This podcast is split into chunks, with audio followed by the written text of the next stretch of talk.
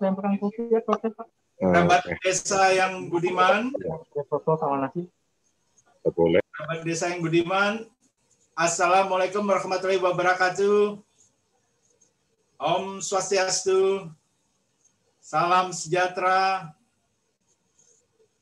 Salam kebajikan, nama budaya. Alhamdulillah. Bismillah, kita hari ini berkumpul lagi bersama narsum-narsum yang luar biasa merangkai pengetahuan dan budaya untuk bangsa. Kerabat desa yang budiman, di hari yang indah ini, tepat hari pahlawan, kita memiliki tema pejuang desa dan semangat hari pahlawan. Tema yang menarik untuk kita diskusikan bersama tamu-tamu narasumber spesial hari ini. Mari kita sapa uh, dahulu. Assalamualaikum Pak Kiai. Ada Pak Dr. Kiai Haji Marsudi Sihut, beliau Ketua PBNU dan Jubir Wapres RI. Assalamualaikum Pak Kiai.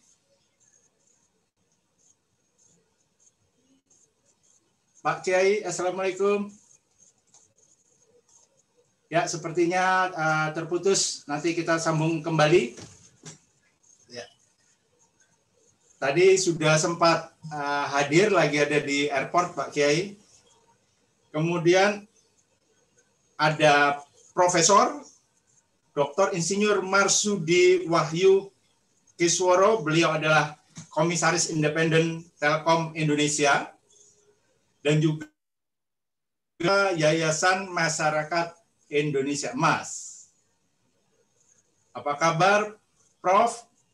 Selamat siang Mas Arvin. Sehat, Prof? Selamat siang semuanya. Pak Darmono, selamat siang. Selamat Mas. siang, Prof. Lama nggak ketemu juga nih, kangen juga Darmono nih. Iya, ketemu lagi, Prof. Terima kasih, Prof, kehadirannya hari ini Ya, di uh, edisi spesial Hari Pahlawan. Ya, kita sapa kembali. uh, sepertinya Pak Kiai uh, hadir kembali. Pak Pak Kiai, Pak Marsudi.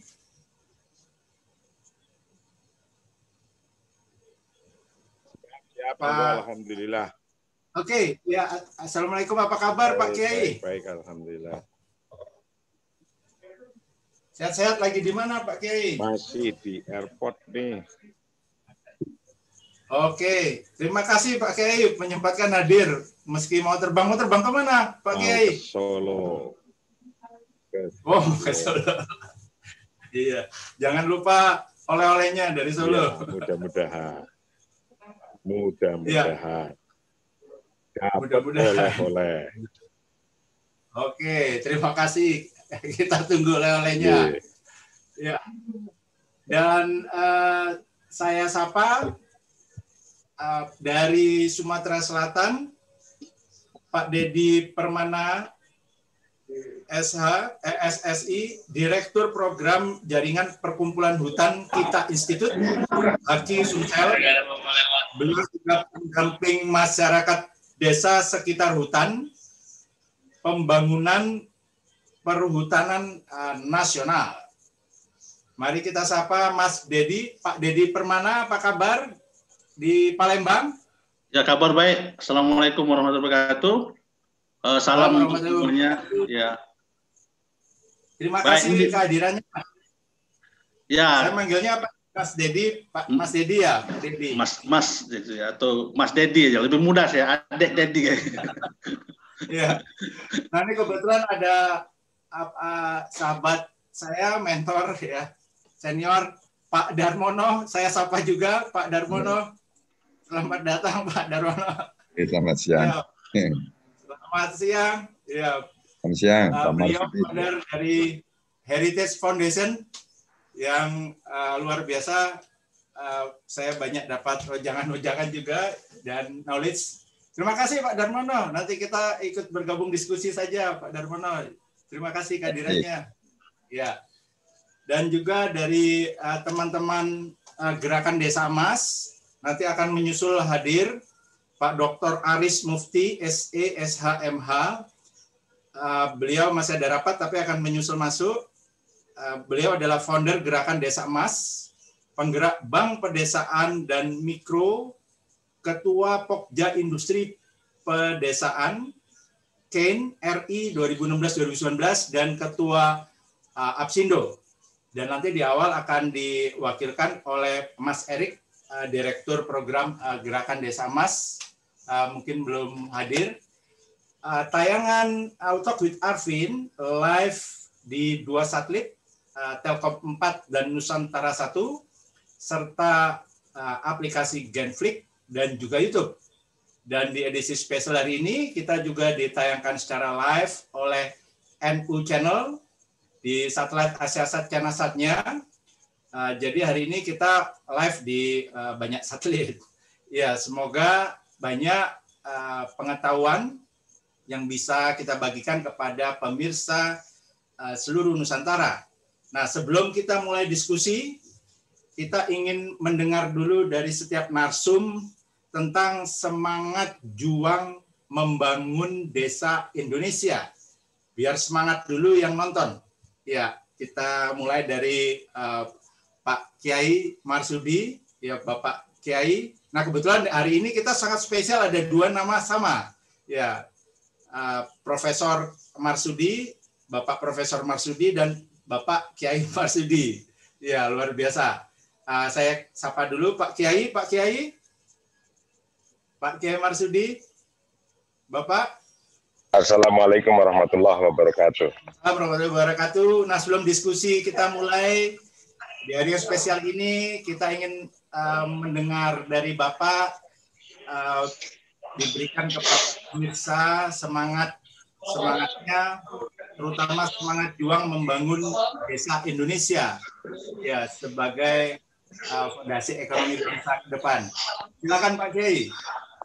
Bismillahirrahmanirrahim, para pemirsa Desa TV dan NU Channel dan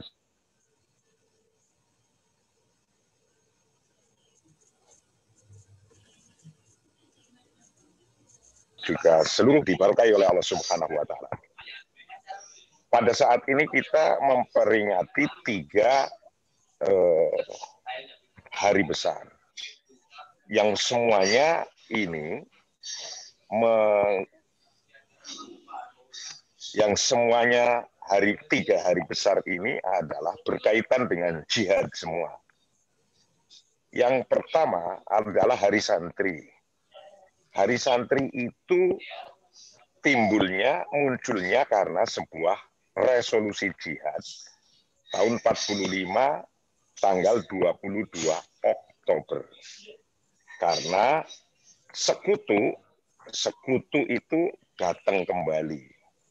Maka kiai-kiai pondok pesantren sejawa Madura mengeluarkan resolusi jihad menjaga tanah dan air itu ada hukumnya fardu ain bukan fardu kifayah ketika itu karena baru diproklamirkan proklamasikan kemudian masih ada sekutu yang mau menjajah lagi bersama-sama dari desa judulnya.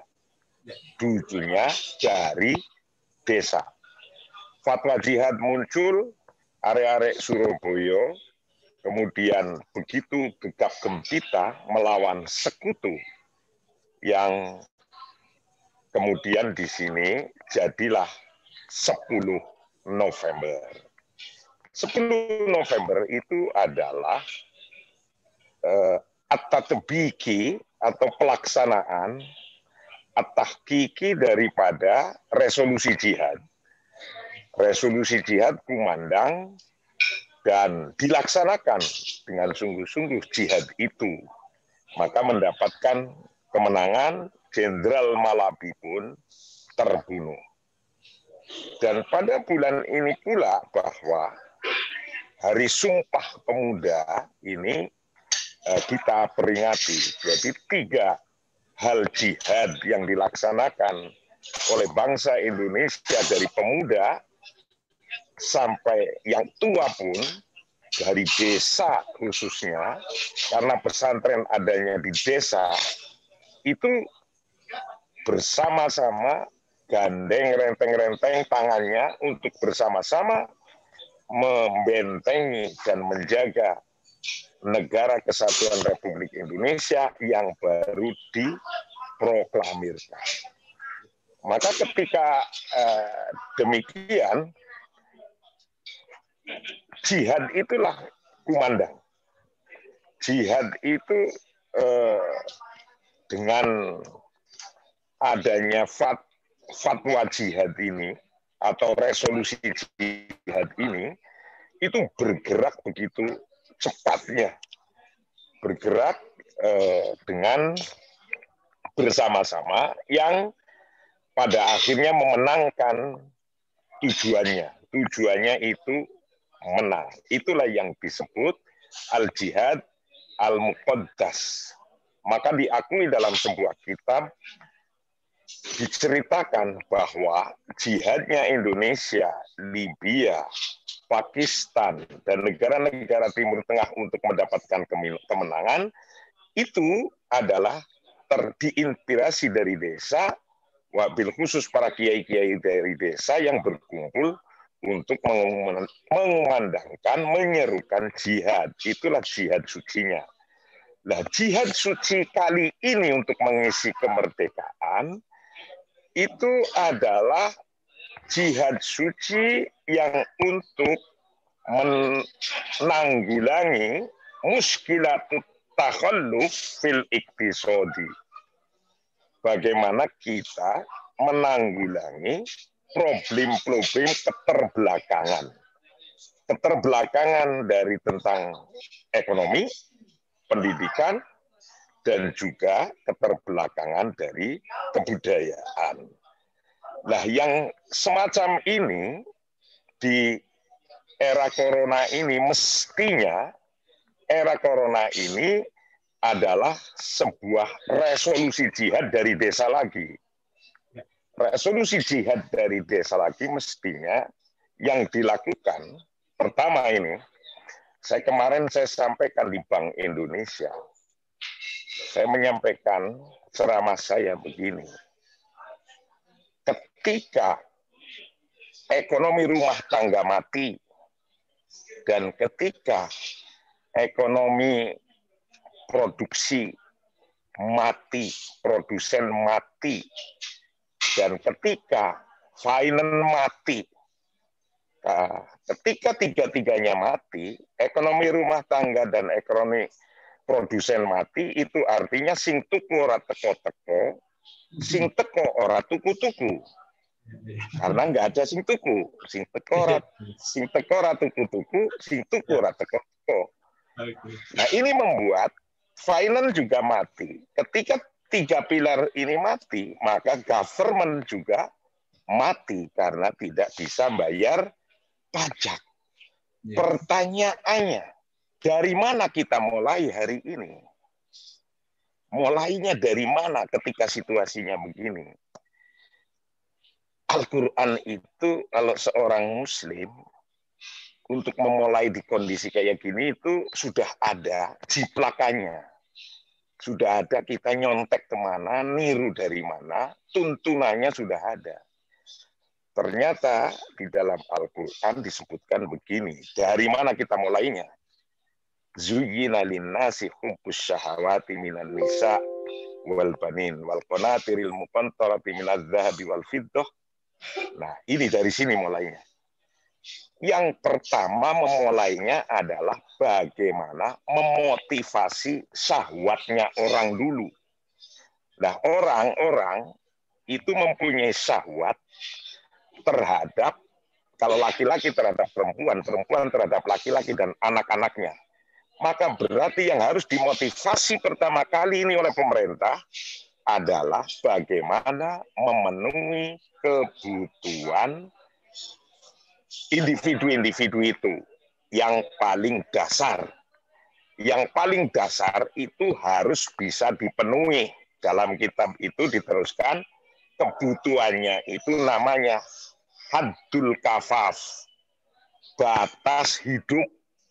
Nah, batas hidup, nah, batas hidup ini harus bisa terpenuhi. Nah, setelah batas hidup bisa diterpenuhi, yaitu tadi minan nisa wal banina sudah bisa makan semua, hidup semua, dinaikkan nanti, naik lagi namanya haddul kifayah, batas kecukupan.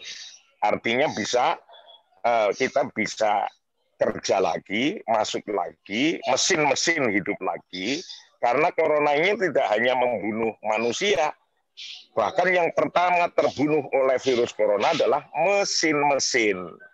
Mesin-mesin produksi ini terbunuh duluan.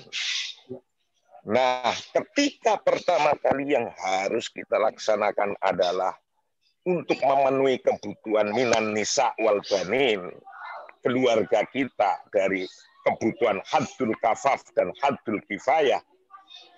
Yang penting hidup dulu, kemudian nanti naik, naik, naik menjadi cukup. Itu dari mana? Mestinya dari desa dulu. Harus dari desa. Kalau saya bilang malah harus wajib. Kenapa kalau saya bilang dari desa dulu? Jadi begini, kalau saya presidennya nih, kalau saya presidennya nih Pak Menteri, amin, amin. tak panggil itu Menteri Pertaniannya ya. dan Menteri Perdagangannya. Saya panggil, saya tanyain begini, eh Pak Menteri Pertanian, apa saja yang biasanya Pak Menteri masih impor. Beras berapa importnya? Jagung berapa importnya? Kedelai berapa importnya? Garam berapa importnya? Dan seterusnya. Iya. Tanyain. Mulai hari ini karena corona, dan mulai hari ini karena kerjaan mesin saja dibunuh oleh corona, mesin-mesin itu, maka dari desa kita harus penuhi kebutuhan dasar ini. Kebutuhan dasar yang berupa ngimpot-ngimpot tadi. Kalau bisa jangan ngimpot dari sekarang. Ini duitnya. Untuk membantu rakyat-rakyat untuk memenuhi kebutuhan agar jangan ngimpot. Kalau bisa ekspor. Itu mengurangi capital outflow mengurangi import kan berarti kalau kita nggak ngimport barang ini kan berarti kita dolar nggak keluar. Ya. Nah ini berarti itu dari desa. Itu nomor satu. Nomor dua, panggil lagi itu Menteri Pertanian, eh Menteri Perindustrian sama Perdagangan. Eh Pak Menteri, barang apa saja yang biasa dibutuhkan walaupun corona ini yang diekspor Mana daftarnya? Satu, nikel. Dua, batu bara. Empat, ikan. Lima, dan seterusnya. Breng, breng, breng, breng. Oke. Kita kasih subsidi apa ini? Biar bisa ekspor. Artinya apa ketika terjadi di sini? Nikel atau apa itu dari desa. Dari kampung ini. Orang-orang susur kerja. Nah, itu ketika sudah yang ekspor juga jalan, ya. yang import sudah nggak usah import lagi, itulah dari situ memulai ketika ekonomi mati. Artinya dari desa. Kalau desanya kuat, desa yang sekarang mestinya harus kuat, itu kota akan kuat. Oke. Artinya dari desa ke kota ya. untuk memenuhi kebutuhan minanisa wal banin. Pertama harus kebutuhan ini dulu, kebutuhan perutnya, hidupnya. Baru nomor dua, kebutuhan konatiril mukontoroh. Itu namanya infrastruktur. Butuh bangunan-bangunan megah, butuh jalan raya, butuh harbor, tapi untuk hari ini Pak Presiden Jokowi saya sampaikan mestinya ini kebutuhan minan nisa wal ini dulu. Juga jangan sampai salah yang dikasih subsidi itu kalau UMKM itu masih di atasnya minan nisa wal banin itu. Minan nisa wal banin itu sudah individu-individu orang-orang kampung yang kerja untuk desanya, Ya. untuk kampungnya, untuk sawahnya.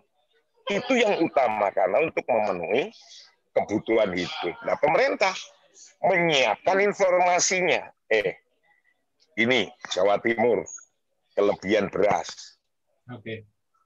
Lampung kekurangan beras. Eh, Lampung kelebihan kopi. Kalimantan kurang kopi. Nah, yuk, i- harus informasi ini yang disiapkan oleh pemerintah Oke. sehingga bisa hidup. Market kita besar 258 juta. This is a big big market. Ya, ya. Penuhi kebutuhannya dulu dari desa. Dari desa dulu. Ini momen Ya. ini adalah momen. Nah, ketika ini yang digalakkan, inilah yang disebut doruroh di robti eh, tanmiyah di fikrotil jihadil muqaddas lil iktisod. Inilah keharusan Ya. sebuah jihad yang dikorelasikan dengan perkembangan ekonomi. Jadi di sini disebut al-jihad al-muqaddasah litanmiyati iktisod. Inilah jihad yang suci untuk mengembangkan ekonomi kebutuhan masyarakat luas. Ya. Dari dulu begitu, dari desa dulu kalau zaman-zaman zaman situasi yang lagi eh, gonjang-ganjing kayak gini, itu harus dari desa dulu. Inilah mungkin pemantiknya, sesungguhnya saya masih banyak, tapi biar orang lain juga menyampaikan. Ya. Terima kasih. Terima kasih. Pak Kiai luar biasa, luar biasa. Jadi dari kedaulatan keluarga desa menuju kedaulatan desa dan Hmm. kemudian kedaulatan negara. Ya, Iya, biasa. kota, ke negara. Kota, oke, kota negara. Terima kasih Pak Kiai, Eh, luar biasa dan juga eh, pasti besar juga selama ini dalam eh, sejarah Republik peran santri membangun eh, kedaulatan desa pastinya. Iya. Terima kasih eh, Pak Kiai. Nanti kita sambung lagi, jangan ke mana-mana. Iya, siap. Ya, pesawatnya suruh tunggu dulu pesawat terbang. Suruh tunggu dulu. Ya, ya saya sapa uh, Prof. Marsudi. Nah ini menarik namanya bisa sama ya.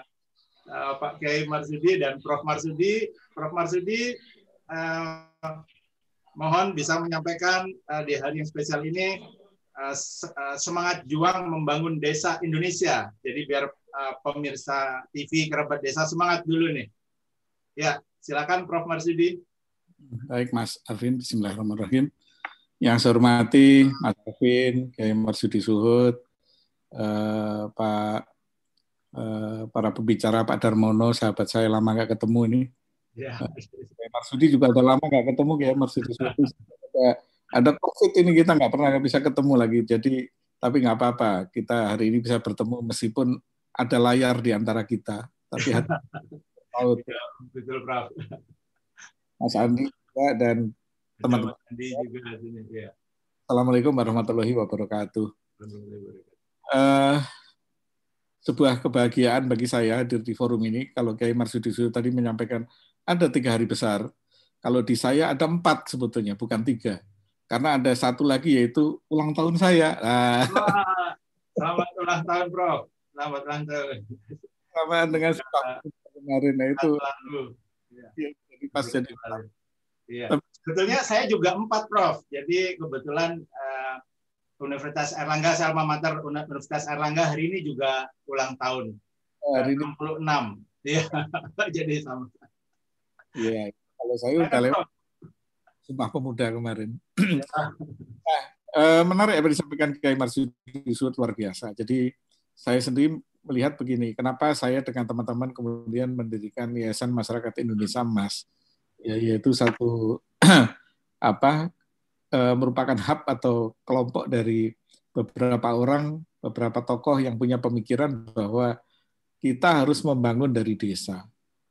Jadi kalau kita mau maju menuju Indonesia emas, Indonesia maju tadi, maka kita harus buat desa maju dulu gitu. Nah, eh, dan apa kaitannya dengan ini dengan semangat dari pahlawan? Jadi kita tahu semua persis bahwa tahun 45 pada tanggal 10 November hari ini eh, seperti hari ini dulu para pejuang, para pahlawan eh, orang tua kita ya kalau saya masih orang tua ya karena orang tua saya kebetulan ayah saya adalah anggota dari tentara pelajar eh, tentara Republik Indonesia pelajar sama dengan Mas Andi ini kita orang tua saya ayah saya dengan Mas Andi sama dulu waktu masih muda nembakin Belanda katanya hobinya.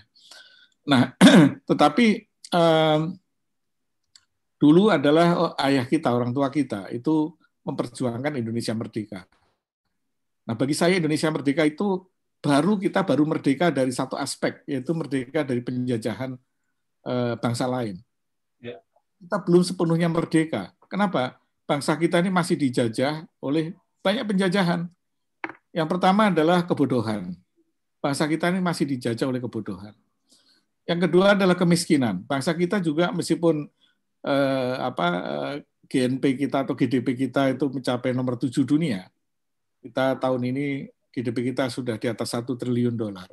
Tetapi uh, faktanya adalah bahwa uh, distribusi kekayaan ini tidak merata. Jadi masih banyak bangsa kita yang miskin. Jadi kita masih dijajah oleh kemiskinan. Yang ketiga, kita juga masih dijajah oleh kejumutan. Jumut itu apa ya? Kalau bahasa bahasa Indonesia ini jumut itu mandek gitu, nggak mau berubah gitu loh, kopeh kopeh kira-kira gitu, kepala batu, keras kepala, tidak sehingga tidak bisa maju. Nah, tiga penjajahan ini masih ada di kita, terutama di desa-desa. Karena itu eh, kita harus membangun desa, harus memerdekakan memerdekakan desa dari tiga hal tadi. Pertama, memerdekakan dari kemiskinan. Yang kedua, memerdekakan desa dari kebodohan. Yang ketiga adalah memerdekakan desa dari kejumudan. Sehingga desa akan nanti menjadi desa yang saya sebut desa 3M, yaitu desa yang maju, modern, dan mandiri. Nah, eh, karena itu itulah semangat kepahlawanan kita kita harus rubah sekarang. Kalau dulu semangat kepahlawanan kita adalah berjuang fisik melawan penjajah, nembak-nembak Belanda begitu ya.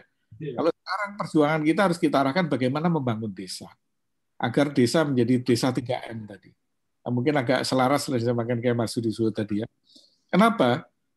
Kalau kita mau Indonesia maju, kita mau Indonesia besar, mau Indonesia hebat, maka desa harus maju, desa harus hebat dulu. Ya. Indonesia ini ada hampir 90 ribu, kurang sedikit jumlah desa kita. Dan kita lihat, semua produk makanan kita asalnya dari desa. Beras kita kita makan dari desa. Tidak ada beras itu dari kota itu tidak ada. Sayuran kita makan dari desa daging yang kita makan dari desa. Jadi sumber kehidupan kita semua adalah dari desa. Tetapi ajaibnya sumber kehidupan kita yaitu desa ada juga menjadi tempat kemiskinan paling besar di Indonesia. Nah ini menjadi sebuah eh, apa namanya eh, eh, kontradiksi gitu ya. Okay. Di mana kita mendapatkan semua sumber kehidupan kita, tapi justru menjadi tempat yang paling miskin dalam jajaran profesi kemiskinan paling tinggi itu ada di petani. Bayangkan petani-petani yang memberikan kita makan, memberikan kita kehidupan, itu hidupnya justru paling miskin.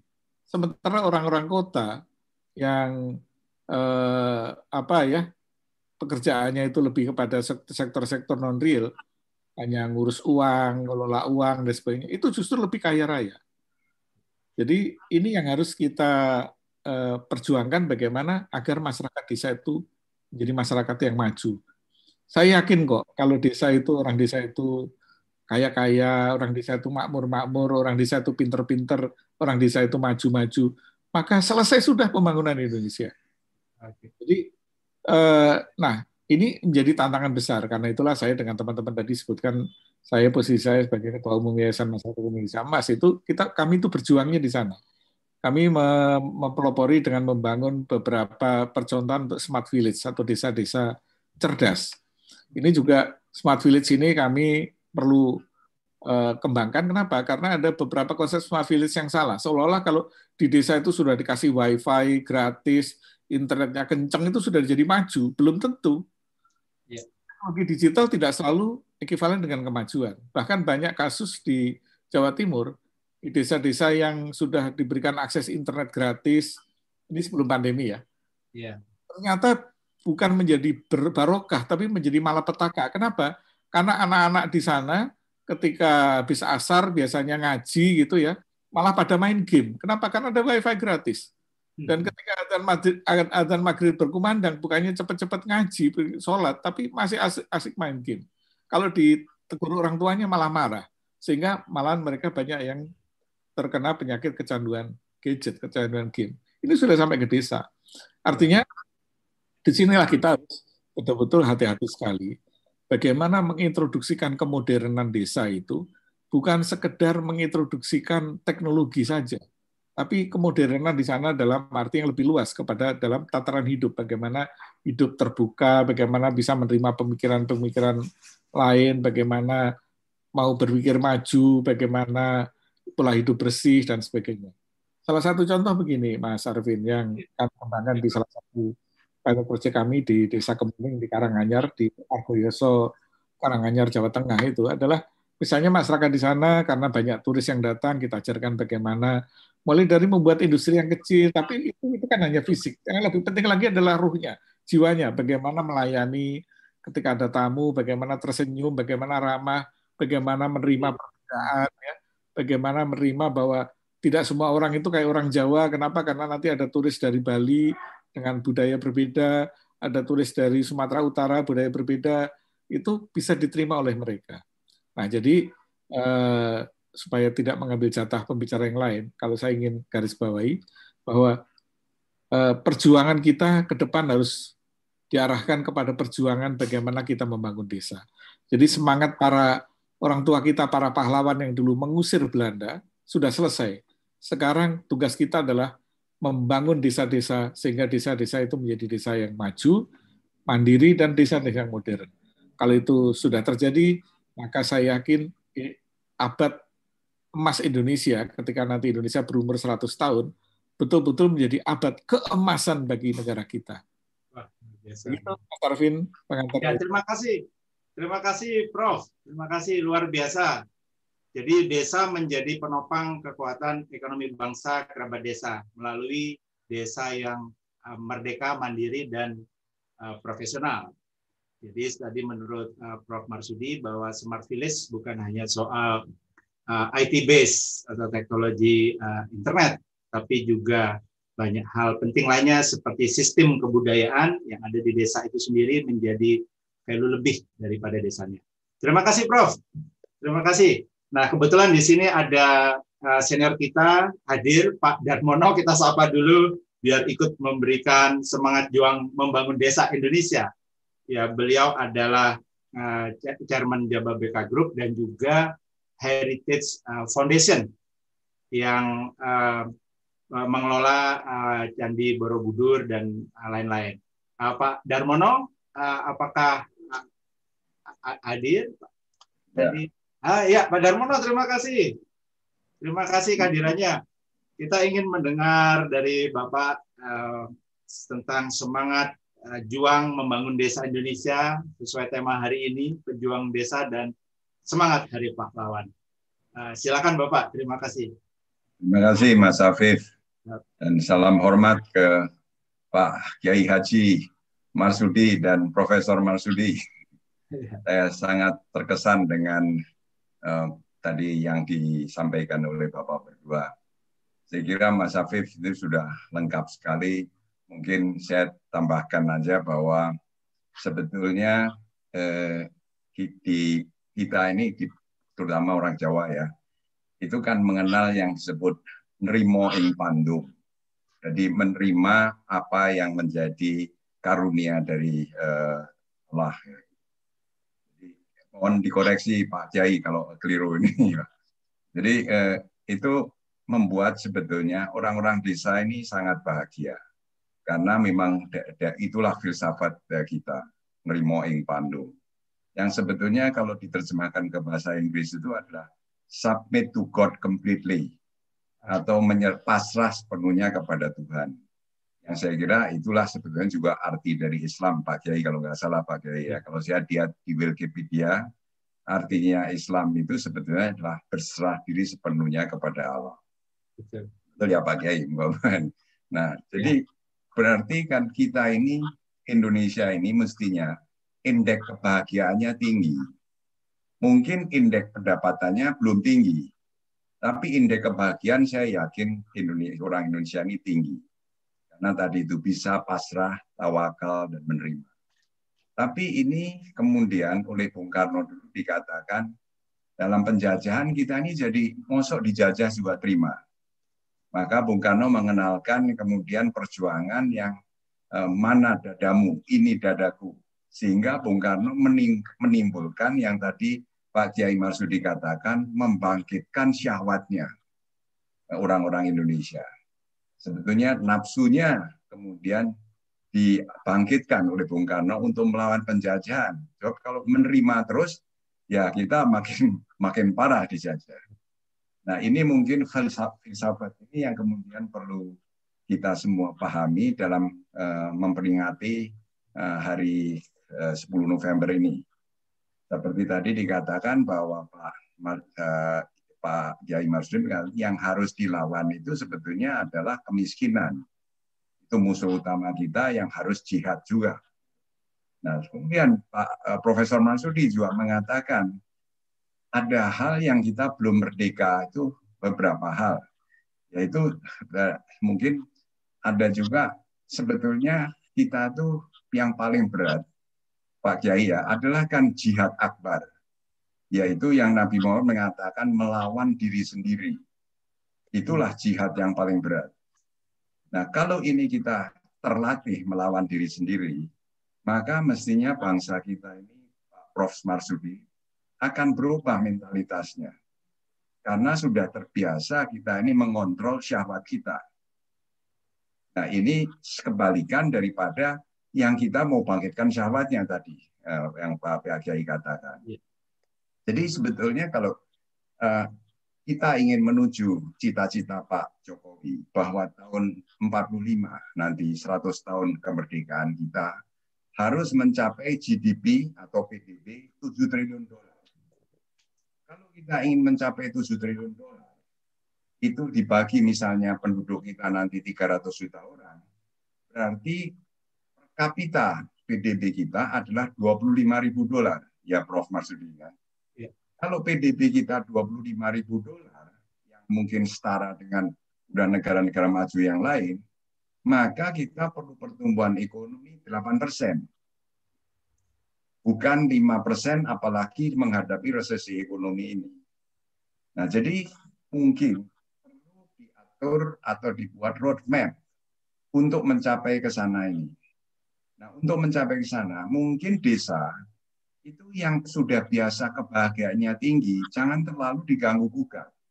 Karena seperti tadi Profesor Marsudi katakan, dikasih internet, justru lupa ngaji, lupa uh, sembahyang. Nah, tapi sebaliknya tetap dibutuhkan juga. Nah, kemudian yang perlu sebetulnya karena kebetulan saya ini bidangnya di pembangunan kawasan industri.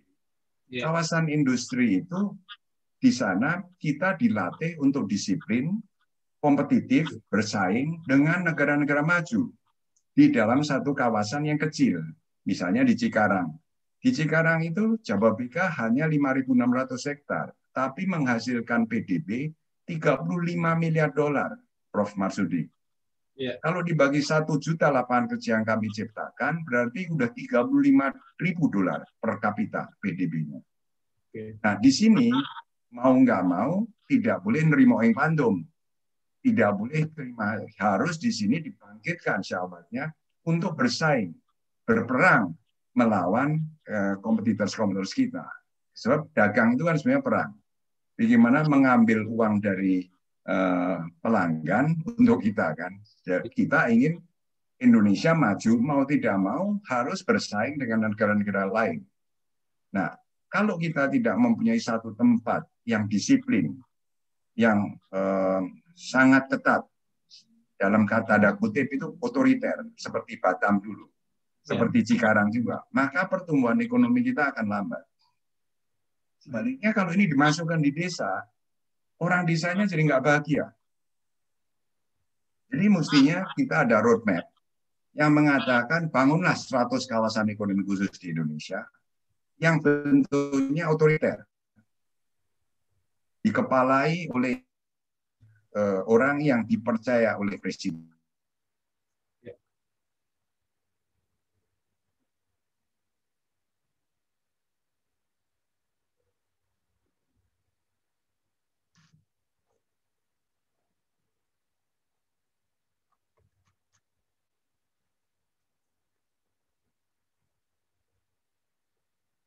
Ya, sepertinya uh, sinyal terputus.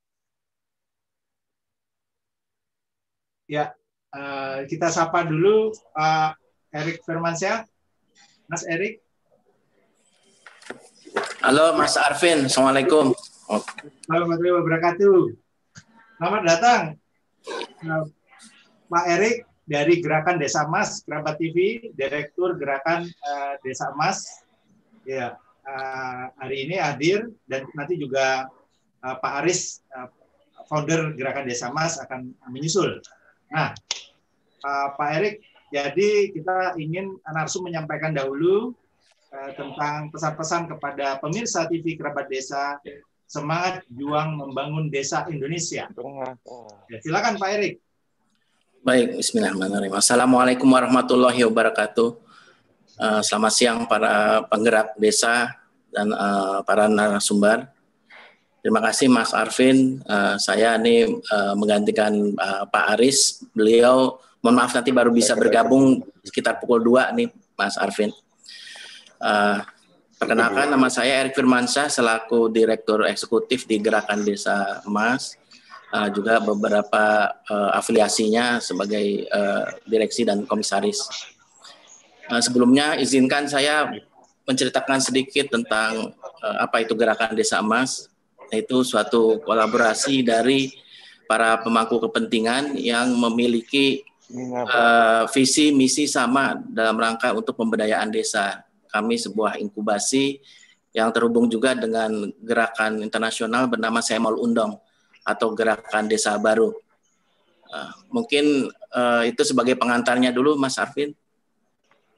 Ya. Oke. Okay. Uh, ada yang disampaikan lagi, Pak Erik? Um, ya, uh, kalau dalam uh, ini uh, menarik sekali tema hari ini. Memang uh, kami kebetulan agen perubahan ya, agent of change di Gerakan Desa Emas. Kami menyebutnya patriot, Mas Arvin. Jadi ya, karena memang uh, kami melihat uh, para penggerak atau para patriot ini kami bagi tiga. Patriot desa adalah patriot yang memang berasal dari desa, yang memang mereka uh, berniat mengubah nasib kaumnya atau nasib masyarakat desa uh, sehingga akan berubah nasibnya sesuai uh, arat 11 sesungguhnya Tuhan tidak mengubah nasib satu kaum sampai kaumnya itu mengubah nasib dirinya. Nah, jadi itulah patriot desa. Kemudian kalau saya ini patriot bangsa karena sudah lama tidak di desanya.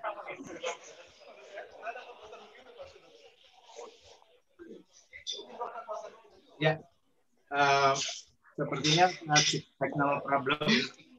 Kita sapa kita sapa dulu. Ya, Mas Erik. Terdengar suara saya? Ya, terdengar Mas. Maaf. Ya. ya. Jadi kalau uh, saya dengan beberapa teman di sini itu patriot bangsa, Mas, karena kita sudah lama meninggalkan desanya. Jadi uh, mitra-mitra kita juga dari luar itu kita bilang patriot bangsa. Dan yang terakhir adalah patriot negeri di mana uh, para uh, ASN yang kami latih agar juga sama-sama menggerakkan dalam satu tujuan. Okay. Uh, kolaborasi kami itu ada formulanya A B C D E F G H ya. A itu akademisi jadi kami melibatkan juga para akademisi universitas dan lainnya. B itu bisnis dari kalangan pebisnis. C adalah community ya, komunitas seperti ada dari Aliansi Kuliner Indonesia dari uh, dan sebagainya. Kemudian D-nya adalah desa atau distrik. E-nya entrepreneurship dan pala expertise ya, di bidangnya yang ikut berkontribusi F-nya adalah financial technology atau fintech Uh, G-nya government karena kami juga sangat uh, memerlukan kontribusi dari uh, regulasi dan juga kebijakan dari pemerintah sebagai top down. Dan yang terakhir ada H. H adalah uh, human, humanism, jadi humanity. ini seperti mungkin ACT, kemudian dompet doafa yang memang itu juga bergerak untuk sama-sama menggerakkan desa. Yeah. Sekilas itu dulu, Mas Arvin. Terima okay. kasih. Terima kasih. Luar biasa membangun ekosistem A sampai H-nya ya, A sampai H-nya. Ya luar biasa. Terima kasih hadir hari ini, uh, Mas Erik. Ya, nah, sama-sama. Kita, kita sapa dulu uh, Mas Dedi Permana, ya dari Sumatera Selatan, untuk memberikan uh, semangat dahulu kepada para pemirsa uh, TV Desa. Ya, Mas uh, Dedi Permana adalah Direktur Program Jaringan Perkumpulan Hutan Kita Institut Sumsel, pendamping masyarakat desa sekitar hutan, pembangunan perhutanan sosial. Silakan Mas Dedi. Selamat mas, datang. Terima kasih Mas Arpin. Ya, terima kasih. Selamat siang untuk semuanya, untuk kerabat desa dan teman-teman dan senior-senior di sini. Eh, saya lebih muda kayaknya dan mudah-mudahan dulu para pejuang itu adalah pemuda juga semangatnya berjuang secara fisik tapi ya, ya. kita eh, sekarang ini sebagian dari kita yakin bahwa pahlawan pada saat zaman itu berat pasti kata Dilan itu sangat berat lah ya dan tapi buat buat kita sekarang bagaimana mengisinya dan melanjutkan perjuangan tadi para bapak sekalian sudah menyebutkan bahwa banyak hal-hal yang harus diisi dalam perjuangan. Salah satu yang penting, kita, kami di Sumatera Selatan ini yang lima tahun yang lalu mendirikan Hutan Kita Institut, dan Hutan Kita Institut ini ber, uh, seba, uh, berjuang untuk visinya mewujudkan kesejahteraan ekosistem, ke kesejahteraan ekosistem hutan dan kesejahteraan masyarakat.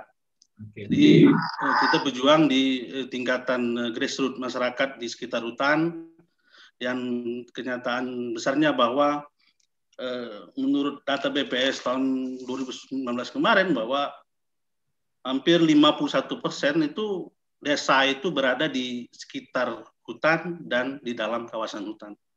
Berarti eh, sebagian besar desa-desa di Indonesia yang jumlahnya ada yang 83 ribu eh, desa okay. sekarang 900-an desa itu ternyata lebih dari separuhnya itu berada di sekitar kawasan hutan.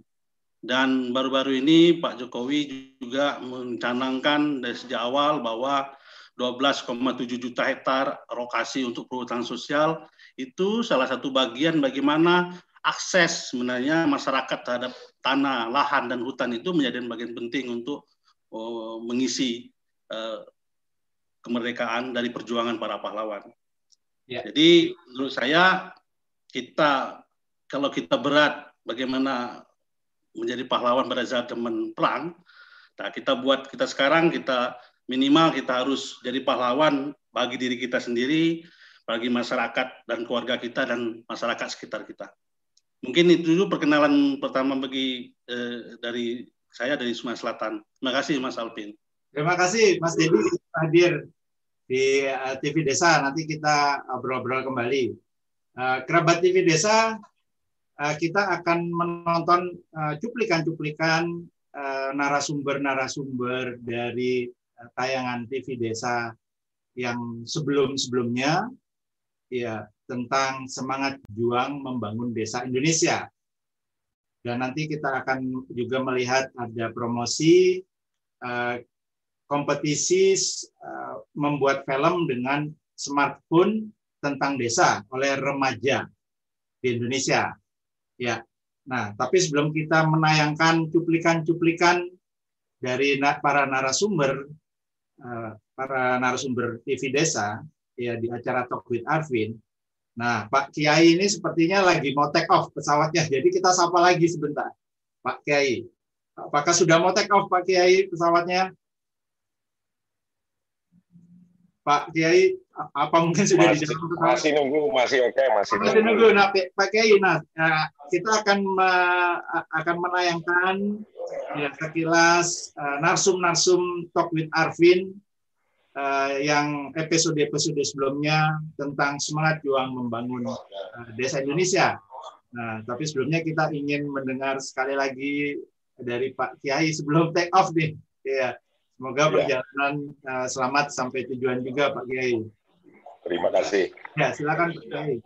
Ya, bahwa sesungguhnya yang tadi saya sampaikan itu urut-urutannya pertama dari desa dulu. Karena masa COVID ini Ya, sepertinya sinyal problem. Ini saya uh, apakah sinyal dari saya atau Pak?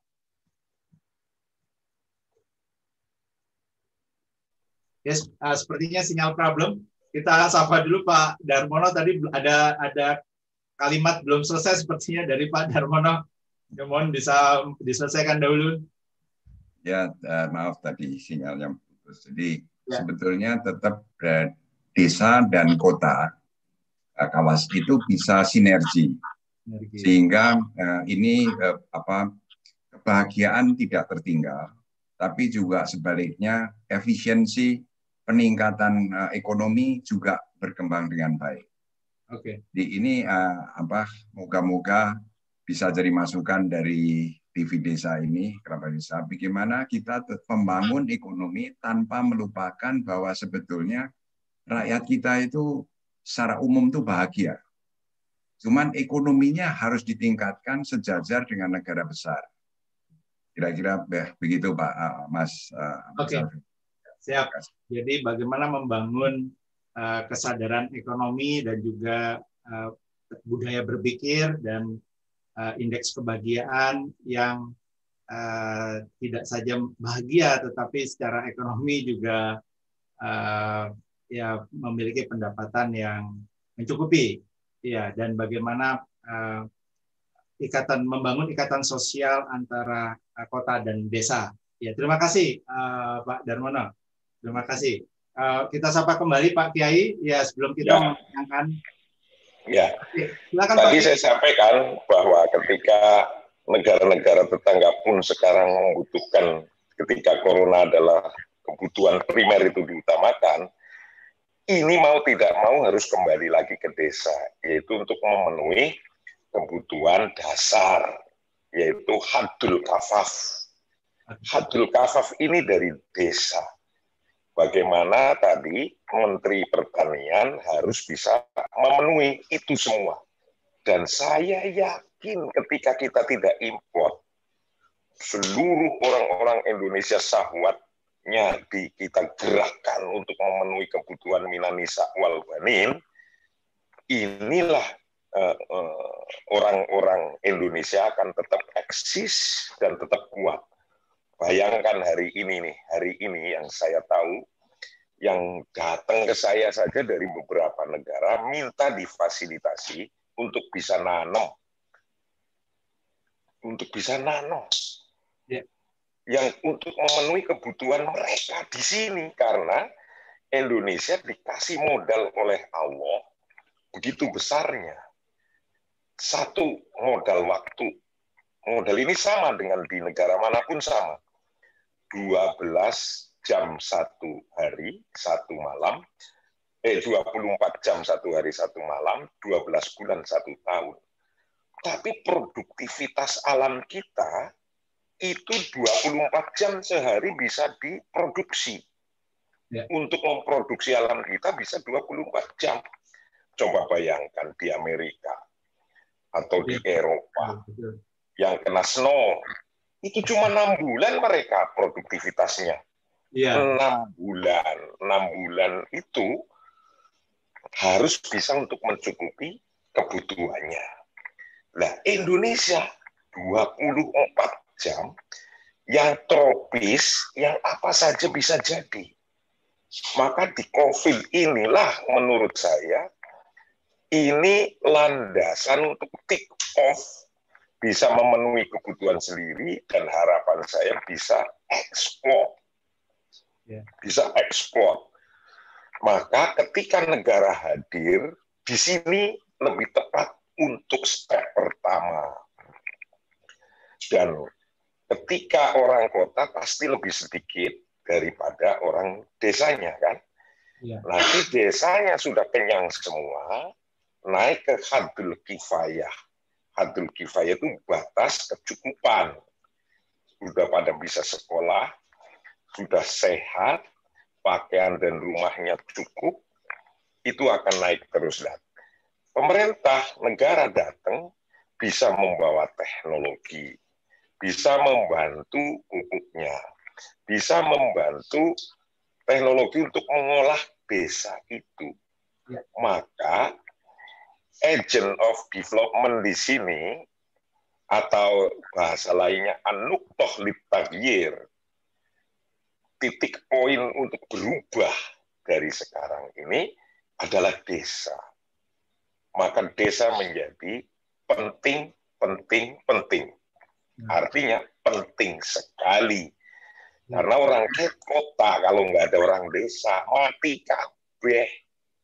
Wis ora mangan wis, nggak makan nggak apa ini kalau nggak ada orang desa seperti saya di Jakarta nggak ada beras bayangin. Iya, nah iya. sekarang Vietnam dan Thailand itu juga sudah untuk memenuhi kebutuhannya sendiri. Nah kita alhamdulillah ini saya yakin di antara negara Asia pun kita itu yang terbaik saya yakin. Kontraksi ekonomi kita masih berapa kemarin 4 persen apa kata hmm, Pak iya. Presiden. Saya bersyukur Pak Presiden bisa menjaga ini dengan baik. Yang insya Allah di antara negara-negara yang lain pun kita sudah lebih baik. Kita masih lebih baik dalam kondisi yang semacam ini. Ya. Nah, dari sinilah maka mari kita bersama-sama wahai orang desa yang saya juga dari desa. Kita yang pertama, yang paling utama adalah bisa mensyukuri. Jangan mencaci maki teruslah kita. Syukur ini penting. Karena dari syukur ini kita akan ditambah oleh Tuhan, oleh Allah janjinya la in syakartum la azidannakum. Kalau kita mau mensyukuri dan bisa berterima kasih, kalau bahasa daratnya mensyukuri itu berterima kasih. Terima kasih kepada siapa? Pada diri kita, pada keluarga kita, pada presiden kita, pada menteri-menteri kita, pada masyarakat kita. Ajari berterima kasih, itu Tuhan akan menambah, menambah, menambah. Tapi kalau yang terjadi sebaliknya itu itu menjadi beban. Hari ini yang dibutuhkan bangsa Indonesia bisa terima kasih. Terima kasih diucapkan dalam mulut, terima kasih. Itu kalau dalam mulut. Diucapkan dengan tenaga, kreativitas, itu berkarya. Berkarya, berkarya, berkarya kreatif, kreatif, kreatif di desa atau di mana saja. Itulah bentuk terima kasih yang diucapkan dengan hal namanya. Hal. Nah, padahal lisanul hal afsohu min lisanil makol. Bahwa lesan perilaku aktivitas sehari-hari itu lebih fasih di dalam di publik ini daripada omongan kita yang berbusa-busa di televisi setiap hari kayak saya ini. Jadi ayo kita berkarya, berkarya, berkarya. Maka ya. Tuhan menyampaikan begini. Fakuli malu fasayarallahu amalakum wa rasuluh wal mu'minun. Wasaturaduna ila alimil ghaibi wa syahadah fayunabbiukum bima kuntum ta'malun. Kreatif, kreatif, kreatif kerja, kerja, kerja. Rawahu Jokowi. Nah, kerja, kerja, kerja ini saya pikir dulu bukan Al-Quran. Eh, ternyata ini Al-Quran. Sampai kapan kita suruh kreatif, suruh kerja, sampai saudara kita mengetahui hasilnya. Ya. Sampai Allah mengetahui monumental hasilnya. Sampai Allah mengetahui legasi yang kita tinggalkan masa ya Allah amalakum sampai Allah bisa ngelihat kreativitas kita kelihatan monumen Rasulnya bisa ngelihat baru yang bisa merasakan dan melihat wal mukminun dan orang-orang yang beriman orang Indonesia semua beriman semua yeah.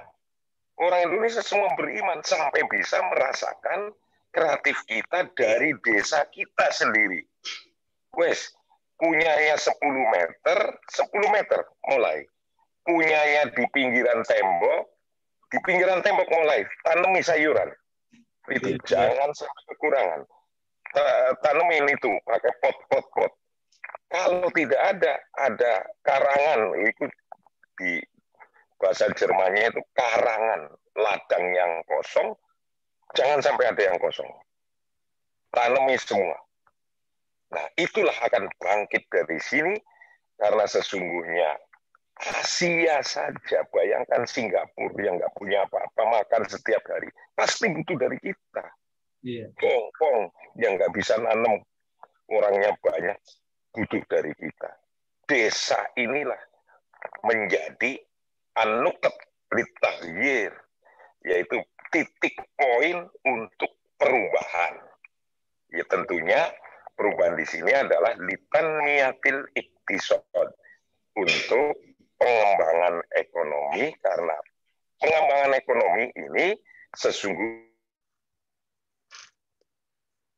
ya sepertinya uh, signal problem kembali Pak Kiai. Ya terima kasih Pak Kiai Marsudi. Nanti kita sambung kembali. Uh, kerabat desa tadi cukup menarik uh, Pak Kiai sampaikan bahwa dengan uh, budaya apresiasi yang kita dorong terus-menerus, maka kreativitas akan terus meningkat. Dan kita tahu bahwa di desalah sebetulnya uh, uh, high contact culture atau budaya konteks tinggi itu uh, banyak berada, termasuk salah satunya budaya uh, apresiasi. Ya, bagaimana kita bisa mengapresiasi segala kreativitas meskipun dari uh, lahan yang masih sedikit ya dan nanti akhirnya menjadi bukit dan disampaikan oleh Pak Kiai bahwa saat ini adalah momentum yang paling pas untuk kita melakukan transformasi ya tidak saja transformasi semu yang kembali ke masa lalu atau bahkan di bawahnya tapi betul-betul real transformation karena saat ini uh, desa uh, migrasinya tidak seperti dulu migrasi tinggi keluar ke kota tapi sekarang deurbanisasi kembali ke desa dan momentum yang tepat membangun desa kembali uh, bersama-sama. Nah, kerabat desa, kita saksikan dulu tayangan spesial hari ini di dalam edisi spesial Hari Pahlawan. Semangat juang membangun desa Indonesia. Mari kita saksikan.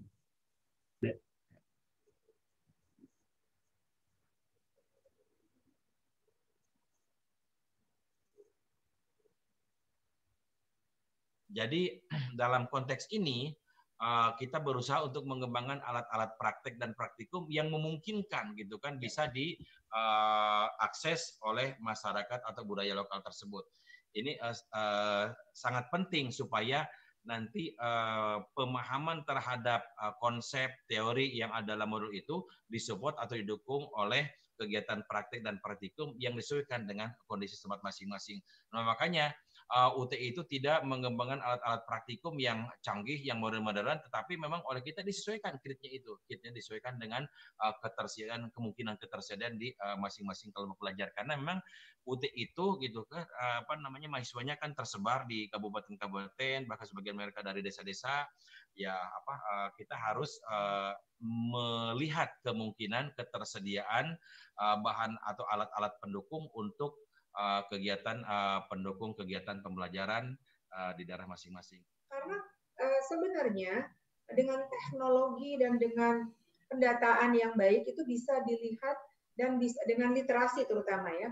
Dan yang paling penting lagi sebenarnya adalah bahwa ketika kami meneliti di Indonesia bagian timur dan di Aceh beberapa tahun lalu, anak yang putus sekolah di setiap tingkatan SD itu banyak, apalagi sekarang COVID orang tuanya tidak punya gadget, gawai, orang tuanya pergi ke ladang, pergi ke laut, anak-anaknya ya berdiam diri. Nah, situasi seperti ini ini membutuhkan ke, ke apa gotong royongan kita semua untuk menambah akses, uh, menambah sumber belajar di situ kan. Dan kita jumlah penduduk di Indonesia itu lebih banyak yang punya gadgetnya dari jumlah penduduknya. Bisa nggak itu gerakan disumbangkan bersama?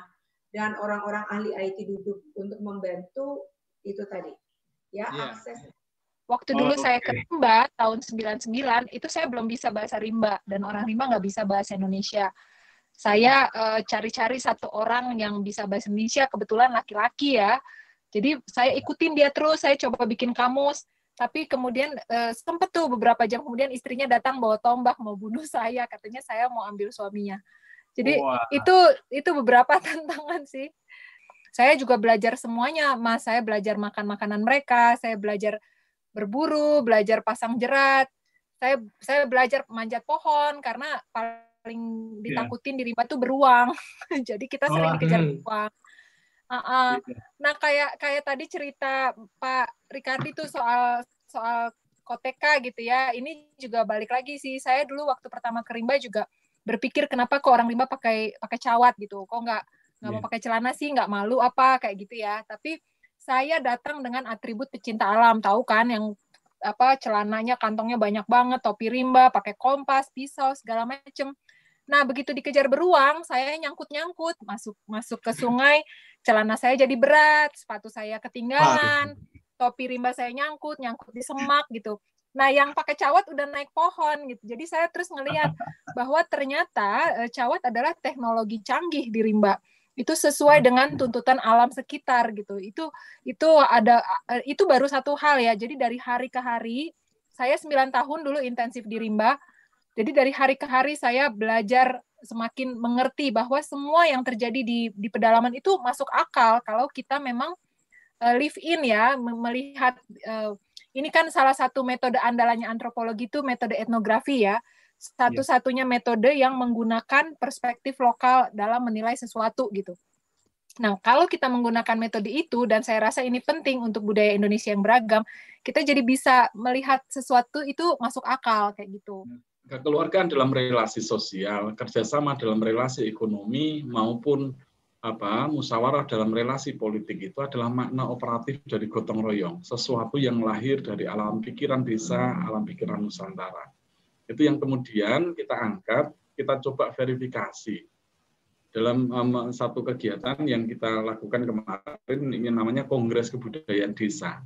Jadi kita coba apa kebudayaan itu kita baca dari berbagai macam aspek ada ada 18 aspek kebudayaan yang kemudian kita diskusikan dari mulai ekonomi, kesehatan, pendidikan, eh, agama, kebudayaan, data kerasi, kewargaan, eh, terus kemudian media dan lain sebagainya. Ada ada 18 aspek kebudayaan yang kemudian kita diskusikan.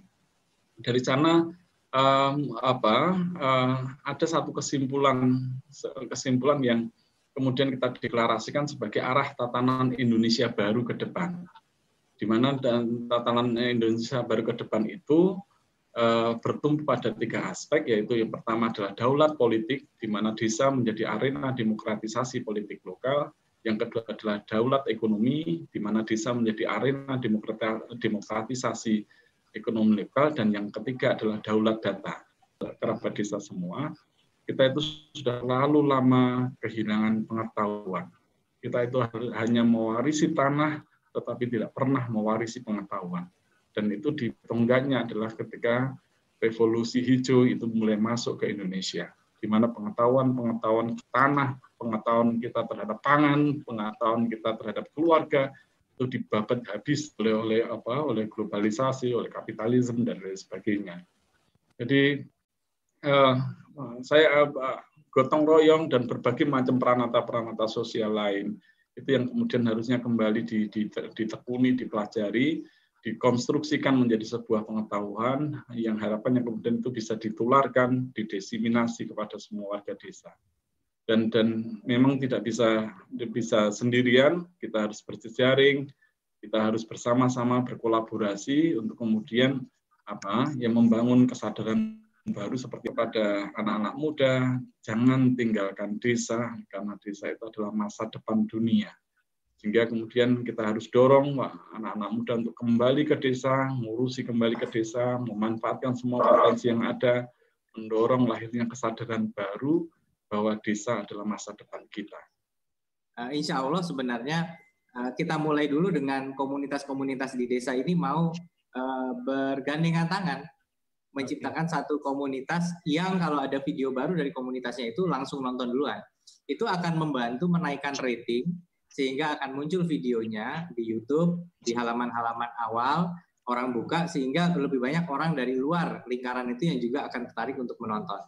istilahnya harus disundul dulu loh kalau bahasanya gitu ya. Kan kalau di thread-thread itu diskusi juga sundul kan, kan gitu kan. Ya, jadi disundul. Nah, ini yang nyundul itu harus komunitas desa. Kalau udah disundul duluan, dia punya ruang untuk kemudian melejit. Jadi kita kayak semacam bikin launchpad itu tadi. Kita bikin semacam launchpad, kita bikin apa tempat peluncuran roketnya lah dalam hal ini, yaitu komunitas desa. Om Swastiastu. Selamat datang di Desa Abian Semal Dauh Yeh Cani. Desa Abian Semal Dauh Cani, Kecamatan Abian Semal, Kabupaten Badung. Kami termotivasi dari pencanangan Bapak Presiden kita, yaitu Bapak Jokowi, yang mana di Indonesia dicanangkan untuk menjadi seribu, ya, membangun seribu desa wisata baru. Dengan mengkombinasikan uh, digital content media yang berbasiskan budaya lokal kami sepakat membangun sebuah ekosistem ya, yang nantinya menjadi pusat produksi film, pusat pembelajaran film, termasuk menjadi tourism destination. Jadi setelah kami sepakat untuk membangun sebuah ekosistem tersebut, ya, kami beri nama dengan Bollywood Land. Kehadiran Bollywood Land menjadi jembatan untuk memajukan dan menggali potensi-potensi unggulan desa, baik berupa kebudayaan, kekayaan alam, maupun peninggalan bersejarah. Beragam potensi tersebut kemudian dapat dipromosikan kepada masyarakat global melalui kemajuan teknologi dan informasi desa film ikon dunia berbasis budaya. Saya berharap Bollywood Land mampu mengembangkan desa-desa di Bali dan menjadikan ikon-ikon unik bertaraf internasional sehingga mendatangkan keuntungan secara ekonomi dan sosial. Saya juga berharap agar masyarakat desa dilibatkan secara intens dalam program Bollywood Land ini.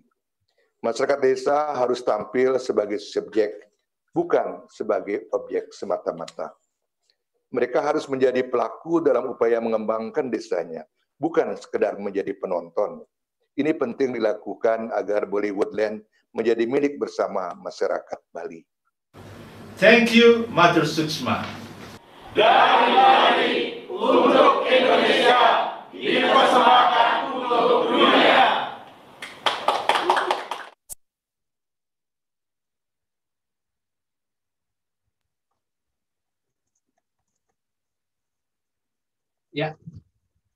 kerabat desa yang budiman, tadi kita uh, melihat semangat membangun desa dari para narsum Talk with Arvin, para narsum-narsum Talk with Arvin uh, sebelumnya.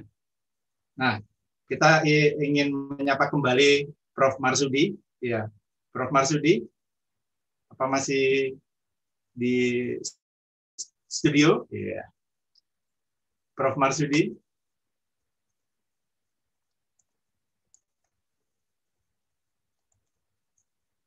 uh, Pak Kiai Marsudi mungkin? Ya, ini lagi. Belum, wah, sudah mau terbang ya? Mau duduk. Oke, oke. Ya mungkin uh, ininya dulu untuk para pemirsa kerabat desa, uh, closing statementnya duluan aja, kira-kira. Oh. Uh, dari Kiai silakan. Oke, oke, oke. Sebentar. Ini kita mencari tempat duduk Nah. Ya, silakan Pak Kiai. Oh, luar biasa dari ya, dalam duduk. ya. Oh, oke, okay, okay, silakan. Mungkin singkat saja.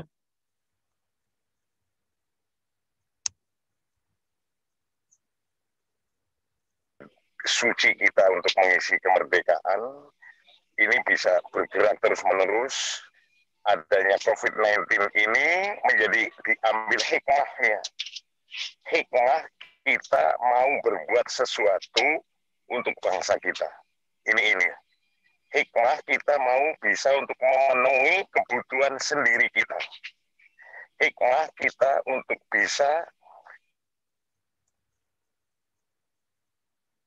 Ya, sepertinya uh, signal problem. Ya, terima kasih. Jadi kita harus mengambil hikmah dari pandemi saat ini bahwa kata Pak Kiai, inilah saat momen untuk bertransformasi. Terima kasih Pak Kiai. Ya, selamat jalan sampai ke Solo. Semoga uh, selamat sampai uh, Solo dan jangan lupa oleh-olehnya. Ya, uh, Prof. Marsudi, Ya. Ya, Mas Arfi. Sudah terbang ke Solo, uh, Pak Kiai. Ya, Pak Kiai, uh, Pak Kiai Marsudi kebetulan nama sama, jadi saya ag agak ini uh, bingung. Oh, namanya sama. Ya. Uh, Prof, jadi tadi disampaikan Pak uh, Kiai bahwa uh, banyak yang kembali ke desa, ya, terutama mungkin anak-anak uh, muda ya, yang lost job dan kemudian uh, kembali ke desa. Nah, daripada nggak ngapa-ngapain kan mestinya dibuat sebuah uh, program yang fokus membangun uh, desanya, desa industri atau apa pun lah. Nah, tapi kembali ke basis desa adalah pertanian. Bagaimana sebetulnya membangun uh, semangat mereka ke kota kan untuk tadi ya apa pekerjaan yang bukan berbasis pertanian. Nah, tapi sekarang uh, kembali membangun generasi muda yang gemar tani. Ya kembali uh, bagaimana itu kira-kira Prof kira-kira apakah perlu uh, uh, perlu kiat-kiat khusus Prof.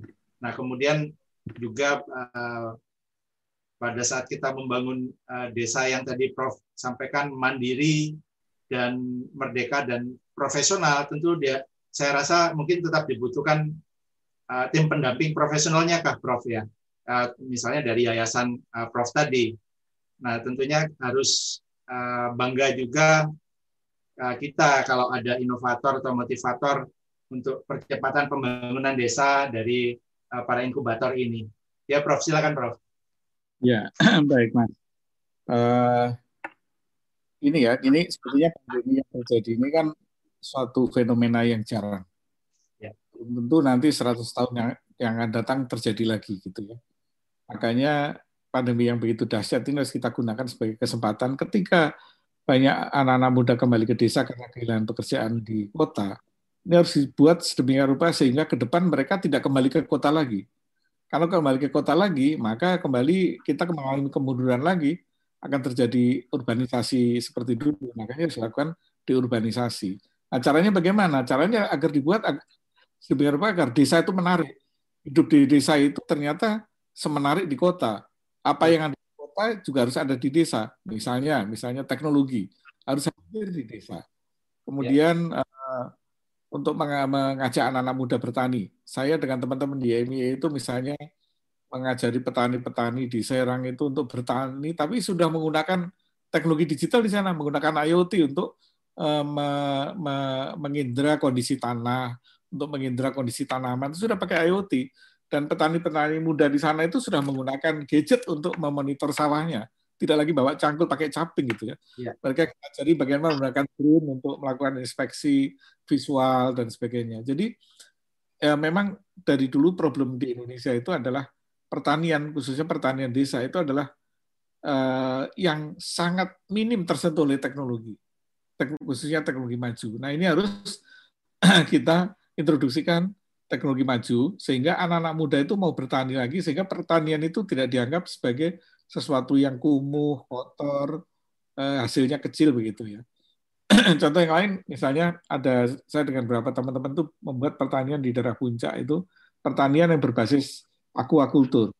Jadi mana itu pertaniannya organik, kemudian yang dihasilkan itu sayuran-sayuran yang organik, kemudian menggunakan apa air ya di bawahnya itu kemudian di bawah air itu kita pelihara ikan di bawah ikan itu kita taruh lagi uh, untuk yang memakan kotoran dan sisa makanan ikan itu kita taruh udang di situ ya. Kemudian di paling bawah sendiri ditaruh ker, uh, apa uh, kerang. Kerang itu kan binatang yang makan segala macam. Semua kotoran binatang-binatang di atasnya itu dibersihkan oleh kerang tadi. Bahkan kerangnya sedang kita eksperimen diinjek dengan mutiara di dalamnya bibit oh. mutiara. Karena kerangnya kerang yang gede-gede itu kerang mutiara itu. Nah, eh, menariknya apa? Untuk luasan sawah yang atau tanah yang kecil misalnya, karena dengan menggunakan bertingkat tadi itu produktivitasnya menjadi lebih tinggi Yang kedua adalah karena ini organik, hasilnya juga lebih mahal dijualnya. Nah ini membuat uh, eksperimen pertanian kami itu menjadi menarik. Kenapa? Karena anak-anak muda jadi kalau dengan seperti itu ternyata nggak kalah gagah dengan pertanian dengan kerja di kota gitu. Hasilnya juga lebih besar. Hasilnya itu juga mungkin tidak mungkin jauh lebih besar dibandingkan kerja di bank misalnya. Kalau kita pakai parameter kerja di bank itu yang sekarang pendapatannya paling tinggi kan kerja di bank kira-kira ya. Itu ternyata lebih besar dari kerja di bank. Nah, inilah yang suasana seperti ini yang kita harus bangun. Kita membangun desa-desa yang maju, yang saya sebut tadi maju, modern dan mandiri, eh, maju dengan pikiran-pikiran yang maju, dengan jadi bukan hanya teknologinya saja. Kalau teknologi yang maju saja, maka terjadilah eh, tadi penyalahgunaan teknologi ketika ada WiFi malah digunakan untuk main game sehingga terjadi eh, apa kecanduan gadget misalnya. Tapi harus maju juga pikirannya. Jadi ketika pikirannya maju, bukan hanya masalah teknologinya maju, tapi pikirannya juga maju. Dia bisa menggunakan teknologi itu untuk kemajuan dia. Kemudian modern adalah hidup dalam paradigma-paradigma masyarakat yang modern, menghargai toleransi, perbedaan, terbuka, mau belajar, mau uh, apa inovasi dan seterusnya. Yeah. Nah, yang ketiga itu adalah mandiri. Mandiri desa itu harus punya kekuatan untuk hidup sendiri. Tadi Pak Kiai tadi menyebutkan ya kalau perlu tidak ada yang kita impor, kalau perlu semuanya ya kita produksi sendiri untuk kebutuhan kita. Uh, yang kita gunakan kita gunakan sendiri. Yang uh, apa tidak bisa kita produksi baru kita impor. Bahkan kalau perlu apa apa yang kita impor kita tiru gitu. Nah, dengan tiga itu, kalau desa itu sudah modern, maju, mandiri, maka saya yakin Indonesia emas itu akan tercapai.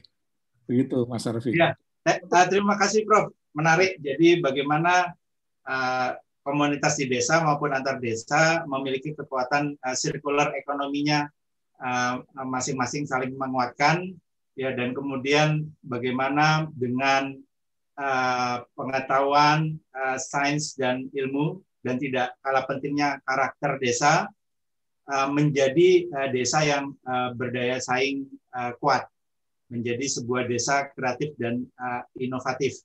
Ya luar biasa, Prof. Terima kasih. Nanti kita bincang kembali kerabat desa yang budiman. Kita sapa narsum Mas Erik. Ya, Mas Erik, apa masih di studio? Ya, masih. Kita tanyakan bagaimana uh, pejuang-pejuang desanya yang disebut dengan uh, para patriot desa. Ya, sekarang sudah berapa banyak Mas Erik uh, patriot desa? Ya, kalau jumlah persisnya kita datanya ada di masing-masing apa koordinator wilayah di daerah per kabupaten. Gitu. Tadi ada yang saya lupa sampaikan karakter dari uh, apa, pemilihan uh, patriot desa yang akan kami latih itu adalah uh, pastinya dari daerah tersebut ya karena ya. tentu yang berjibaku dan ingin membangun itu bukan tidak mungkin adalah dari warga setempat gitu karena dia hidup di situ dan memiliki potensi di situ. Ya. Yang kedua kita juga uh, syaratkan uh, lebih baik adalah, adalah non partisan, mas. Kemudian uh, rela berkorban Eh, biasanya mereka kalau ada hal-hal yang ini uh, apa namanya pasang badan dan rela berkorban di mana waktu-waktu harusnya berkumpul dengan keluarga dia sibuk membahas tentang desa ya. Hmm. termasuk uh, ya insya Allah seperti kita ini juga kan uh, menjadi patriot karena meluangkan waktunya kita sama-sama membahas. Karena benar desa, satu desa itu adalah satu masyarakat unit terkecil tapi jumlahnya luar biasa 75 ribu desa dan 8 ribu kelurahan. Yeah. Jadi uh, ini menjadi PR kita bersama gitu. Nah yang terakhir adalah yang juga sedikit dosanya. Ini paling banyak ditanya. Kalau sedikit dosanya ukurnya gimana ya? Dia tidak terlihat uh, korupsi uh, ataupun sumber-sumber yang menyatakan bahwa dia tidak amanat gitu. Jadi uh, kriteria inilah yang kemudian kami kumpulkan dan kami latih. Biasanya kami ambil dua laki dan perempuan, kemudian dari wakil desanya dua, dan kami melatih eh, biasanya 20 desa. Walaupun Bupati meminta seluruhnya ada sekitar 250, ada 300 desa, tapi yang kami sanggupi bertahap itu per 20 desa, misalnya. Iya. Ada satu catatan juga tadi juga eh, apa dalam suasana pandemi. Jadi eh, guru kami, eh, salah satu guru kami Pak Ari Ginanjar, salah satu pembina, selain juga eh, Dr. Aris Mufti, eh, Miss Corona ini juga menjadi bagian guru kita. Mengapa? Karena tahun ini dengan adanya Corona, kami effort kami yang biasa keliling ke daerah-daerah ke desa menjadi ter, tertunda sementara. Tapi di sini kami berpikir keras untuk salah satunya seperti media online, seperti media uh, Zoom ini yang kita pakai untuk juga menyisir penggerak desa juga menyisir masyarakat dan binaan kami. Karena kalau 75 ribu desa, sementara kami ada keterbatasan SDM untuk keliling saja biasanya butuh 2-3 hari untuk satu dua desa gitu. Tapi dengan media Zoom, media Google Meet dan sebagainya, kita bisa langsung menyisir berapa uh, desa gitu. Ini juga salah satu uh, apa salah satu uh, sentuhan atau teguran dari Yang Maha Kuasa untuk kita mulai memanfaatkan digital untuk lebih uh, akselerasi yang lebih cepat gitu, Mas. Yang kedua, kami juga melihat dengan adanya pandemi ini ketinggalan-ketinggalan atau PR kami yang tertinggal uh, dengan negara-negara uh, luar. Ya. Dengan adanya pandemi ini seolah kami melihat ini di reset, Mas. Jadi kita berpikir ini adalah peluang atau ini pun kesempatan kita untuk mengejar ketinggalan karena mereka masing-masing juga sibuk dengan uh, urusannya di negara masing-masing. Jadi di tengah pandemi ini ya kita justru aktivitasnya malah meningkat gitu, Mas Arvin. Jadi uh, kita apa pun uh, uh, apa apa yang di uh, apa namanya yang terjadi itu kami yakin uh, Tuhan pasti memiliki hikmah dari kejadian ini semua. Yeah. Nah pada kesempatan ini uh, juga kami menyapa para penggerak desa lainnya. Terima kasih karena ini menjadi uh, PR yang uh, estafet ya. Uh, seperti hadis Nabi mengatakan walaupun sungguhnya esok adalah hari kiamat tapi apabila ada benih di tangan kita kita harus menanamnya. Tanpa memikirkan bagaimana hasilnya berhasil atau tidak itu udah bukan hak kita lagi untuk memilih tapi apa yang kita lakukan adalah berbuat. Itu saja Mas Arvin. Terima kasih. Ya, luar biasa uh, patriot-patriot desa sudah ada di uh, perbatasan negara kira-kira ya uh, salah satu contoh adalah yang terluar juga itu adalah Sangihe iya. karena kebetulan uh, Bupati Sangihe ini juga kontribusinya luar biasa untuk meminta kami untuk mengubah seluruh desanya. Itu kan kalau nggak salah dia udah di ujung sekali ya nelayan yang selama ini apa namanya uh, ikannya banyak digarap oleh apa namanya uh, negara-negara lain ya. Uh, tapi sejak Bu Susi apa batasi itu kan negara lain tersebut akhirnya juga saya dengar pelelangan ikannya juga menjadi terhapus ataupun uh, sumbernya kan tidak tidak bisa. Nah, uh, itu ya uh, Filipina kalau nggak salah. Jadi akhirnya mereka pun mau tidak mau berkolaborasi dengan uh, Sangihe dan kami juga mencoba menjembatani itu agar nelayan-nelayan kita dengan adanya akomodir dari kapal kapal-kapal yang dikolaborasikan uh, kita bisa menjalin uh, kerjasama juga dengan pihak pihak. Tantangannya tentu lebih berat ya di perbatasan. Mungkin masalah air, listrik di sana seperti apa? Oh, uh, maksudnya uh, infrastruktur. Ya betul, karena uh, untuk menggerakkan ekonomi tentu kita butuh sarana ya, sarana okay. khususnya internet dan listrik. Jadi uh, kita juga kadang-kadang harus uh, satu dua langkah mundur dulu untuk menyiapkan infrastruktur tersebut. Apabila kebetulan PLN pun belum masuk gitu. Jadi kita juga uh, apa namanya sangat rigid terhadap energi terbarukan ya juga melibatkan pihak-pihak ketiga dari Eropa juga untuk apa namanya uh, energi energi terbarukan seperti dari uh, hydro dari angin dan sebagainya karena uh, ini juga harus sudah apa namanya berpikir ke depannya gitu bahwa kita cadangan juga makin sedikit untuk jadi kita pikirkan energi terbarukan. Nah teknologinya kebetulan masih teknologi asing, tapi mungkin yang perlu kami uh, catat di sini adalah uh, teknologi tersebut akan dikelola oleh BUMDes dan nanti ke depan dikelola bersama investor yeah. pengelolaan tersebut gitu. Iya. Yeah. tentu menarik pada saat kita membahas pejuang desa termasuk pejuang uh, Kartini. Ya, dan kalau kita ketahui ibu-ibu di desa ya, ibu-ibu PKK mungkin uh, sebagai uh, pengelola UMKM atau petani perempuan ya. Uh, seperti apa uh, kira-kira pat, uh, gerakan patriot desa untuk uh, pejuang uh, Kartini? Ya, beberapa daerah memang justru penggeraknya adalah ibu rumah tangga, ada juga dosen dan sebagainya. Gitu. Ya. Kalau melihat sejarah ataupun uh, apa nama di tempat kami belajar ya, saya mau undang, penggerak dari kooperasinya mereka, saya mau Gumgo itu sendiri adalah wanita yang melakukan jimpitan dari beras. Jadi uh, apa namanya satu hari itu mereka mengumpulkan sesendok beras untuk ditabung. Yang yang uh, spektakuler adalah uh, kooperasi uh, dari 36 uh, ribu desa di Korea ini asetnya sudah mencapai sekitar 3.000 triliun. Jadi ini luar biasa apabila sudah bergabung menjadi satu gerakan yang luar biasa, jadi kooperasinya juga luar biasa. Bahkan kooperasi tersebut juga membantu pemerintahnya untuk sebagian melunasi utangnya. Gitu. Uh, inilah ke keuntungan dari bagaimana kita menyatukan uh, desa tersebut. Oleh karena itu, dengan adanya Miss Corona tadi saya bilang sebagai salah satu guru kita juga jadi koperasi desa atau bumdes yang kita bentuk ataupun kita bina ini kita coba konversi menjadi digital jadi koperasi digital gitu nah uh, jadi uh, entah kenapa mungkin para uh, kartini ini itu lebih teliti lebih apa jadi secara pendanaan juga mereka biasanya uh, di apa namanya uh, dalam pencatatan dan administrasi ya. Ya, tapi juga, tidak hanya itu saja juga kadang-kadang turun ke lapangan juga ada di beberapa daerah yang kartininya juga luar biasa.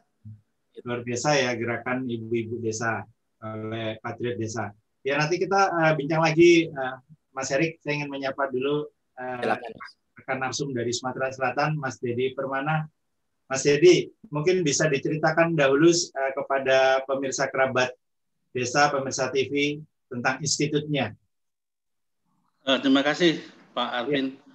Uh, hutan kita institut itu bagian dari uh, teman-teman yang bekerja sosial sebenarnya untuk mengembangkan, mendorong uh, kesejahteraan lingkungan dan kesejahteraan masyarakat di sekitar hutan. Rata-rata dampingan kita sekarang ini uh, hampir uh, sudah sekitar ada mendorong perizinan perhutanan sosial. Di Sumatera Selatan itu sekarang sudah ada 165 izin perhutanan sosial. Okay yang mungkin tidak banyak tahu bahwa eh, yang dicanangkan oleh eh, Presiden Jokowi kemarin termasuk bagaimana proses pendistribusian lahan 12,7 juta hektar bagi bagi lima skema perhutanan sosial. Ada hutan desa ada hutan kemasyarakatan ada hutan tanaman rakyat ada hutan uh, hutan uh, adat. Itu bagian dari bagaimana Eh, seharusnya eh, masyarakat di, di sekitar hutan itu mempunyai akses terhadap pengolahan sumber daya alam hutannya.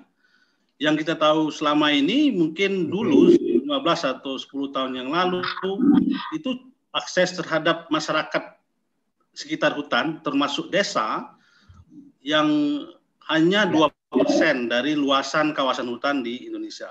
Sisanya itu adalah perusahaan besar, HTI, Hutan Industri, atau perkebunan besar gitu.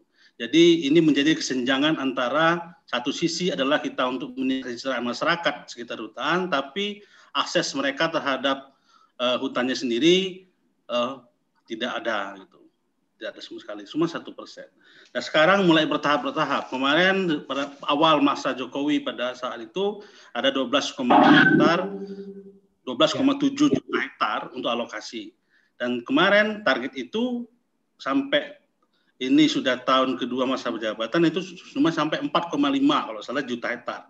Masih sekitar 8 juta lagi target yang harus distribusi ke masyarakat. Tapi bukan hanya distribusi sebenarnya perizinan itu, tapi juga perlu pendampingan, penguatan kelembagaan masyarakat. Di dalam misalnya hutan desa, sekarang ini di Indonesia sudah sekitar 650-an hutan desa di Indonesia.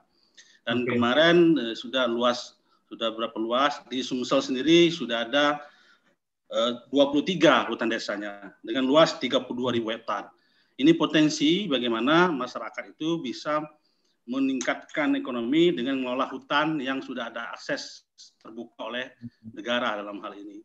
Nah, pasca perizinan ini jadi jadi jadi juga yang kita harus haki sebagai uh, hutan kita institut menjadi bagian yang kita lakukan adalah pendampingan bagaimana mereka ngelola akses izin sudah didapat oleh negara, bagaimana pasca perizinan mereka akan mengelola kawasan itu menjadi produktif. Salah satunya mungkin ada de hutan desa di salah satu di Musirawas di kabupaten di uh, di uh, Selatan itu mendorong uh, hutan desa wisata wisata uh, Bukit Gatan. Ada Bukit Gatan itu selalu bukit kawasan hutan yang dapat akses sebagai hutan desa dijadikan desa wisata oleh oleh oleh masyarakat. Nah, kita menguatkan bagaimana mereka menjadikan hutan desa yang selama ini itu yang tidak bisa diakses oleh masyarakat karena ada larangan dan menjadi legal, ilegal menjadi perambah, dicap sebagai perambah. Akhirnya sekarang ini mereka menjadi bagian support bahwa di sisi juga ekonomi mereka kembangkan di kawasan hutan itu dan juga pelindungan untuk kelestarian hutan. Jadi keterlibatan masyarakat mengolah hutan, kekhawatiran zaman dulu bahwa masyarakat adalah merusak hutan menjadi bagian tidak sebenarnya masyarakat juga bisa bersama di antara mereka juga bisa melestarikan satu sisi juga mempat ekonomi. Nah ini yang Haki dan teman-teman secara nasional juga bahwa target yang sisa 8 juta ini itu menjadi bagian yang harus disegerakan bahwa akses masyarakat terhadap hutan itu menjadi penting. Selain eh, apa kemiskinan, tata kelola misalnya konflik tenorial, konflik yang terjadi di daerah, terutama untuk daerah di luar Jawa sebenarnya yang dihadapi itu bagaimana lahan-lahan itu menjadi eh, tumpangan kehidupan bagi mereka yang berbatasan langsung dengan perusahaan Mungkin itu salah satu yang yang Haki dorong. Jadi eh, menarik ya bagaimana hutan desa tidak saja menjadi apa menjaga lingkungan naturalisasi tapi juga um, akhirnya bisa di tanda petik dikuasai oleh masyarakat untuk kesejahteraan masyarakat itu sendiri. Nah, uh, seperti kita ketahui mungkin di Sumsel sendiri kan tidak saja hutan banyak sekali uh, apa lahan gambut ya. Lahan gambutnya sangat luar biasa besar ya. Bagaimana kesejahteraan lahan gambut sendiri untuk uh, masyarakat? Ya, apakah ya. lebih uh, lebih didominasi oleh uh, swasta atau sudah atau ada perimbangan saling bekerja sama? Uh, tiga tahun terakhir kan sudah ada yang namanya BRG Badan Restorasi Gambut. Dan di Sumatera Selatan salah satu target dan Kabupaten Oki, Ogan Komering Ilir dan Kabupaten Muba merupakan pilot untuk bagaimana pengolahan gambut berkelanjutan. Pasca okay. kebakaran hutan tahun 2015, jadi ada uh, kepres tentang Badan Restorasi Gambut, sebagian besar sudah melakukan kegiatan bagaimana restorasi, rehabilitasi, dan rewetting, ya, pembasahan gambut menjadi uh, rambut tidak terbakar kembali. Hmm. Nah itu seluruhnya akan terlibat dengan masyarakat secara umum ya, terutama masyarakat-masyarakat yang sekitar gambut karena uh, potensi gambut juga di terutama dua kabupaten di Sumatera Selatan, Kabupaten Muba dan uh, Ogan Komering Ilir itu ya. sangat besar ya. untuk uh, penguatan ekonomi masyarakat. Iya. Kira-kira uh, dapat kesejahteraan apa yang diperoleh oleh masyarakat setempat dari lahan gambut lahan gambut ini?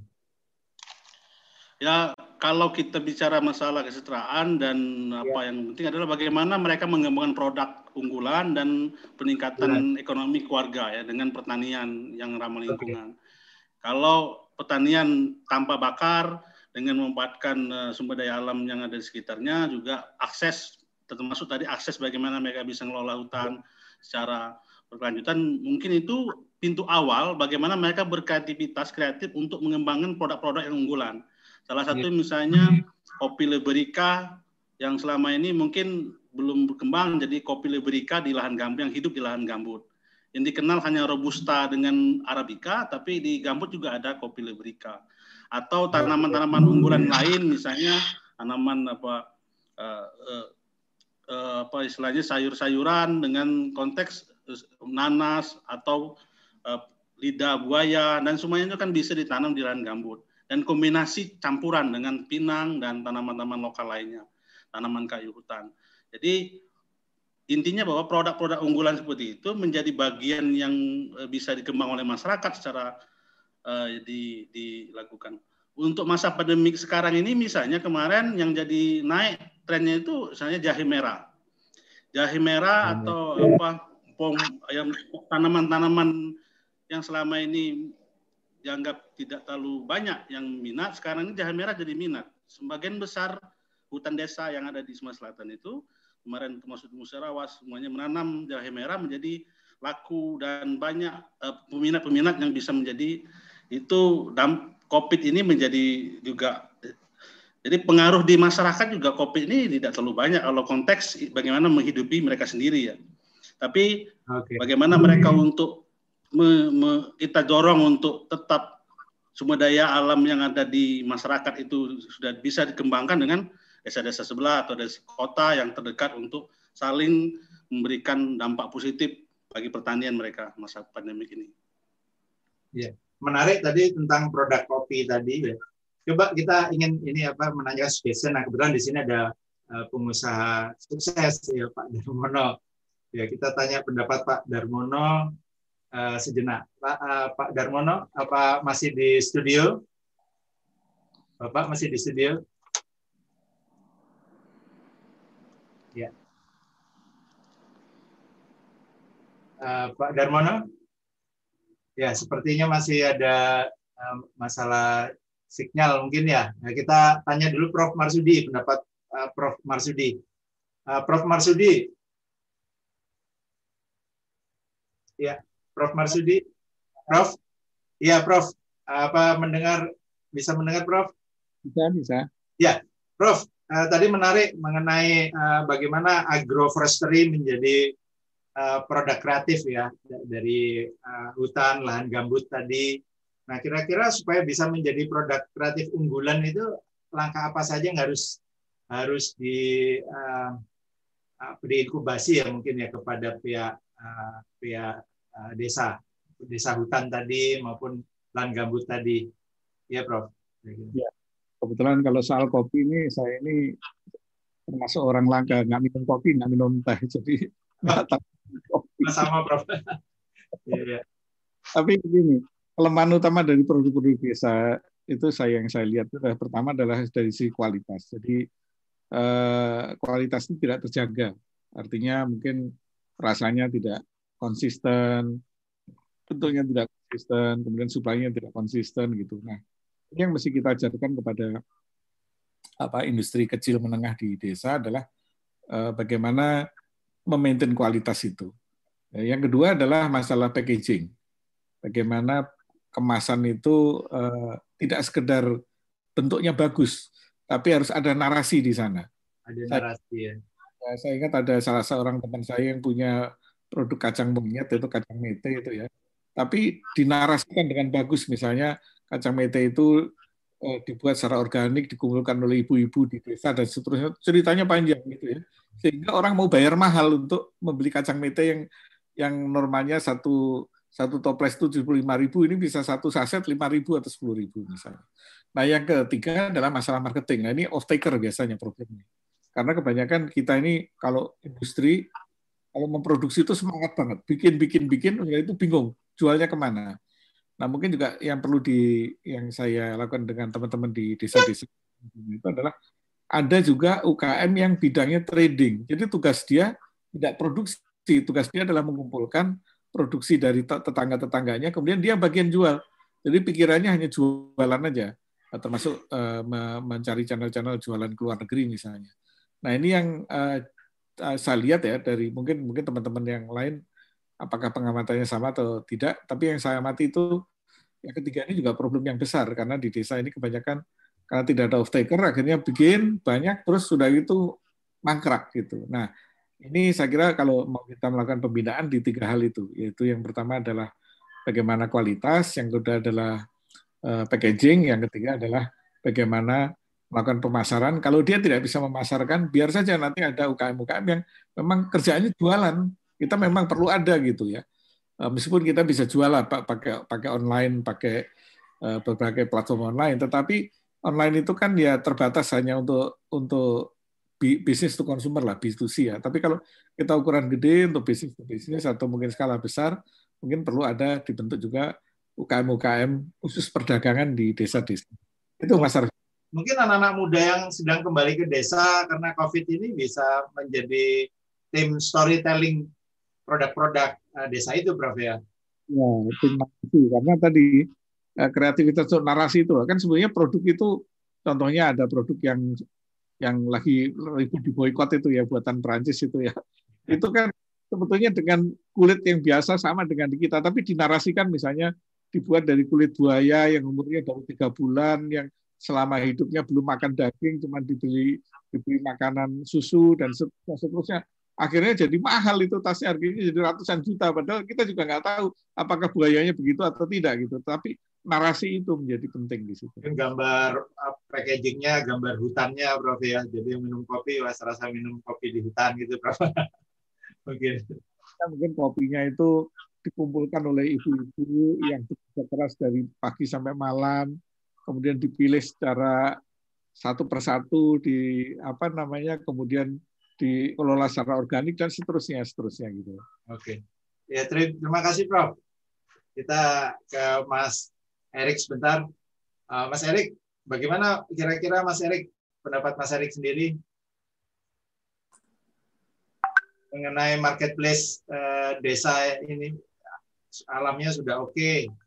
Ya tapi juga tetap dibutuhkan uh, kreativitasnya dan kemudian budaya tempat akhirnya menjadi uh, packaging story-nya tadi ya kira-kira. Bagaimana uh, patriot patriot desa sendiri uh, selama ini? Ya memang uh, uh, saya pikir saya perhatikan beberapa pemerhati uh, kemasan ini apa namanya uh, melalui komunikasi uh, dari kemasannya ini sudah sudah mengikuti itu ya storytelling. Jadi memang menarik apalagi di negara-negara Eropa para buyer ini selalu senang ya apa untuk free trade. Jadi mereka melihat ini apa dari masyarakat langsung dari petani langsung ataupun dari uh, apa UMKM langsung gitu. Mereka sangat uh, appreciate terhadap uh, produk-produknya. Dan tapi ada hal-hal juga yang tidak kalah penting kalau di kami ini merumuskannya menjadi 4K Mas Arvin. Ya. K pertama adalah kualitas ya kita dari rasa kemudian juga dari kadaluarsanya masa tenggang waktunya kemudian dari kemasan dan sebagainya ya. K yang kedua adalah apa quantity jadi ini juga hal menjadi penting karena apabila produk ini disukai sering kali kita kalah dengan negara lain itu karena dari jumlah dari sisi jumlah jadi memang apabila satu desa itu tidak cukup untuk mensuplai, nah dengan penggabungan ada dua atau tiga desa, ini menjadi suatu uh, keharusan gitu untuk memenuhi uh, kontrak atau kuota dari luar gitu.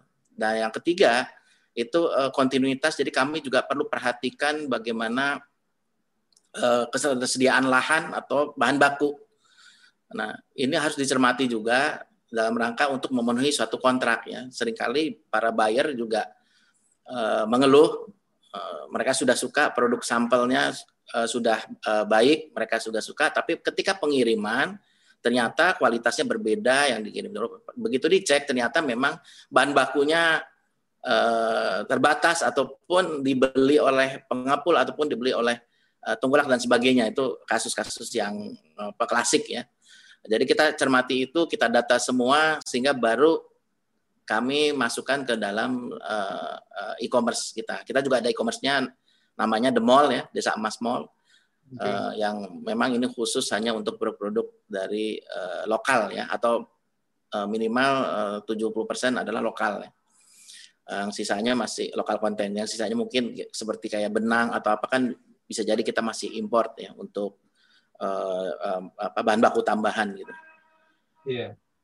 Jadi ya, Pak. Jadi uh, yang terakhir adalah kecepatan di sini kita bicara MAS, kemudian bicara logistik dan sebagainya untuk juga dalam rangka uh, mensuplai tepat waktu dan sebagainya. Jadi 4K, Pak. Oke, oke. Nah, kalau kita bicara uh, kalau kita bicara struktur mata pencarian kota kan kita tahu itu industri, jasa, dagang. Kalau desa sekarang sebetulnya tidak hanya pertanian uh, agroforestry tadi ya, pertanian, kehutanan, perikanan, tapi juga sepertinya bertransisi ya. Karena ya. teknologi tadi e-commerce bisa bisa bertransisi juga ya. Ya, betul. Uh, walaupun kita mensasar empat sektor ya, uh, agri, agro ya, kemudian marin, kemudian uh, uh, wisata ya, tourism yeah. uh, dan kreatif. Tapi sebenarnya pemberdayaan dan pembinaan kita juga itu ke sektor jasa, Mas Arvin, yaitu yeah. pengembangan jasa keuangan, kemudian yeah. asuransi dan sebagainya. Jadi yeah. menariknya di ekosistem kita di desa net itu adalah produsen juga sebagai konsumen uh, dari oleh untuk. Kita sudah belajar dari negara-negara sebelah gitu ya, misalnya uh, pengusaha ataupun uh, profesional dari Jepang mereka datang pakai JAL kemudian menginap di Nico Hotel yang dimiliki saham oleh Jepang, kemudian juga makan di restoran Jepang, uh, memesan travel semua dari Jepang. Jadi uang saku kiri pindah ke saku kanan gitulah. Hanya uh, mungkin sebagian dari orang-orang kita saja yang terlalu uh, minded dari luar sehingga uh, apa investasi sehingga uh, penghasilannya ini lari keluar gitu mungkin sudah waktunya kita memikirkan dan memberi kesempatan para UKM, UMKM, kemudian juga dari produk-produk desa untuk juga bersaing. Makanya kami di Gerakan Desa Emas juga sangat peduli dan memperhatikan dari sisi kualitas. Karena kami yakin apabila kita memperbaiki uh, kualitasnya atau 4K itu tadi, bukan tidak mungkin kita pun mulai melirik produk sendiri. Dan pelan-pelan kita grogoti itu yang selama ini ketergantungan terhadap uh, import gitu Mas Arvin. Oke. Menarik, menarik. Ya, terima kasih Mas Erik. Nanti kita uh, diskusi ya. lagi. Ya. Uh, saya ingin uh, ke Mas Dedi kembali. Uh, Mas Dedi, uh, ini tadi kita uh, diskusi dengan Prof. Marsudi dan Mas Erik uh, dari Gerakan Desa Mas, bagaimana uh, membangun sistem hulu hilirnya mungkin ya daripada ekosistem untuk produk desa tadi. Nah, kira-kira dari pihak Haki sendiri, uh, apakah uh, ada sistem hulu hilir itu ya atau uh, di inkubasi hulunya saja? Uh, ini kalau di kita sama saja ada hulu ada hilir, tapi kita pintu masuk untuk bagaimana proses hulu itu terjadi, bagaimana kita mendorong akses okay. akses kelola dulu, aksesnya terhadap sumber daya alam. Misalnya desa A itu uh, berbatasan langsung dengan kawasan hutan, dia punya potensi untuk didorong untuk izin perhutanan sosial, jadi ke arah apa hutan adat, apakah jadi hutan uh, hutan desa, apa hutan kemasyarakatan. Karena uh, lokasi atau lahan itu sangat penting. Nanti harus pengembangan harus clear, nanti tidak berkonflik dengan siap uh, dengan pihak lain misalnya. Dengan adanya skema perizinan perhutanan sosial ini, itu minimalisasi konflik uh, lahan terhadap pihak lain, terutama terutama di, di daerah Sumatera ini secara umum kan ada dengan perusahaan tambang, ada dengan hutan hutan tanaman, ada perusahaan sawit skala besar. Jadi eh, per, istilahnya perjuangan mereka itu bagaimana mengakses lahan itu menjadi bisa dikelola. Itu pintu masuk bagian hulu sebenarnya. Bagaimana mereka mendapatkan perizinan perhutanan sosial, hutan adat, clear terhadap eh, ruang-ruang eh, kelola masyarakat di bagian hulunya pasca perizinan biasanya perencanaan bagaimana penguatan kelembagaan mereka, bagaimana penguatan bisnis mereka terhadap berdampak ya terhadap lahan itu untuk di, dikelola secara baik dan bisa berdampak secara ekonomi bagi keluarga mereka. Nah, ranah bagian ini adalah bagian bagaimana mengembangkan ke ke hilir bisnis bisnisnya. Ya. Ada produk unggulan, tadi ada turunan produk unggulan itu bagaimana packaging, bagaimana pemasaran, bagaimana kelembagaan koperasi atau kelembagaan keuangan mikro mereka bisa berjalan, itu bagian yang harus didorong juga pasca perizinan sudah didapat. Hilirnya adalah bagaimana sebenarnya hubungan antara penampung-penampung produk ini menjadi bagian penting juga untuk uh, user ya pembeli atau yang menggunakan produk-produk mereka ini. Nah, ini yang kita mulai kalau dulu 10 tahun lalu presentasi kita mendorong bagian hulu itu hampir 80% kita mendorong perizinan. Jadi bagaimana mereka itu kalau istilah eh, kita itu perebutan ruang kelola. Kita rebut ruang kelola ini bagaimana prosesnya itu. Nah sekarang ini sudah hampir 40 persennya, 60 eh, persennya kita sudah ke bagaimana pasca perizinan. Bagaimana membuat bisnis plan, bagaimana kooperasi mereka berkembang, bagaimana produk mereka bisa berkembang. Ini produknya bukan hanya bentuknya Eh, produk uh, misalnya agropores atau yang lain, ada juga jasa lingkungan misalnya. Ada bentuk ekowisata, Kalau ada bentuk uh, yang lain untuk minat khusus untuk kunjungan camping ground, misalnya daerah-daerah pegunungan, atau tempat-tempat wisata yang unik bagi yang menampung, tapi dikelola oleh kalau hutan desa namanya LPHD, Lembaga Pengolah Hutan Desa. Itu dibentuk oleh kepala desa untuk khusus kelembagaan mengolah hutan desa. Kalau di HKM adanya ada namanya KUPS, Kelompok Usaha Perhutanan Sosial. Ini afiliasi bisa bentuk koperasi atau BUMDes di desanya. Ini yang akhir-akhir ini kemarin sudah ada kesepakatan Menteri Desa, Menteri KLHK, dan dalam negeri bagaimana dana desa pun bisa juga digunakan untuk bagaimana mereka mengembangkan hutan yang sudah dapat izin oleh mereka untuk pengembangan ekonomi. Jadi hulu dan hilir sebenarnya prosesnya bagi kita itu ya ada tahapan-tahapan yang harus dijalani. Dan sekarang ini sebagian dari besar sudah ke kita mendorong bagaimana pasca perizinan ini bagian hilir ini dikuatkan kembali semakin kuat. Jaringan-jaringan pasar, baik secara online maupun secara konvensional antar desa, mereka juga mengenalkan produk-produk mereka. Mungkin itu yang kita lakukan sebenarnya untuk untuk di terutama di Sumatera Selatan dan teman-teman jaringan-jaringan di Kalimantan misalnya mereka sudah ada produk-produk madu, madu yang dikelola oleh koperasi pengelola hutan desa atau hal-hal lain itu tahap bertahap kita mulai untuk uh, melakukan proses jaringan bersama untuk pasar terutama bagi produk masyarakat. Luar biasa Mas Dedi. Ya, luar biasa uh, peran Haki uh, mensejahterakan masyarakat lokal selama ini. Nah, nanti kita kembali lagi untuk closing statement. Ya, kerabat desa yang budiman tidak terasa waktu sudah uh, hampir usai. Luar biasa uh, para narasumber hari ini berbagi uh, pengetahuan kepada kita. Uh, semoga para narasumber dari ada dari NU, kemudian Haki, Yayasan Indonesia Emas, Gerakan Indonesia Emas, sukses selalu untuk mensejahterakan mensejahterakan masyarakat desa dan tentunya dengan saling bersinergi akan lebih besar dan sukses.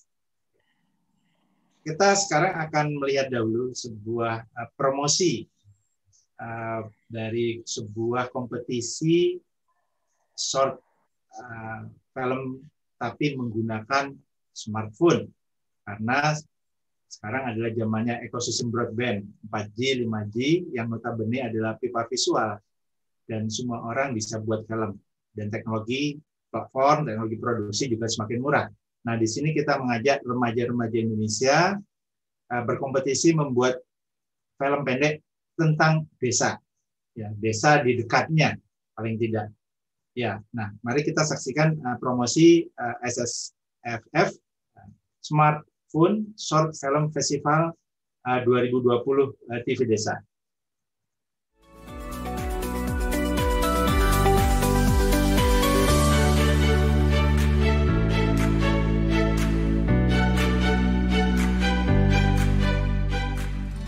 Halo remaja Indonesia. TV Desa dan Rumah Film Avandi mengundang kalian untuk berkarya. Bermodal HP kamu, kamu bisa bikin film pendek dan mendapatkan hadiah puluhan juta rupiah. SSFF Smartphone Short Film Festival 2020 menantang remaja Indonesia berkreasi dalam perfilman.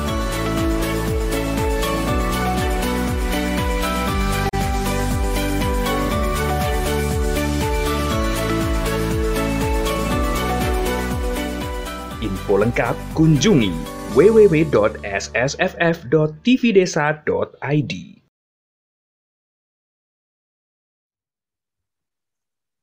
Ya, uh, para remaja, uh, kerabat desa yang masih remaja, selamat uh, bergabung di tunggu film-film pendeknya. Ya. Kerabat desa yang budiman, sebelum kita mengakhiri acara hari ini, kita dengarkan terlebih dahulu closing statement dari para narasumber yang budiman, uh, memberikan semangat kepada seluruh pemirsa TV Desa Nusantara dan juga tayang di NU Channel khusus hari ini. Ya, kita mulai dari uh, dari Mas uh, Erik dulu, Mas Erik. Ya, Mas Erik, uh, Gerakan Desa Mas, silakan uh, closing statementnya. Ya, terima kasih Mas Arfi desa ya.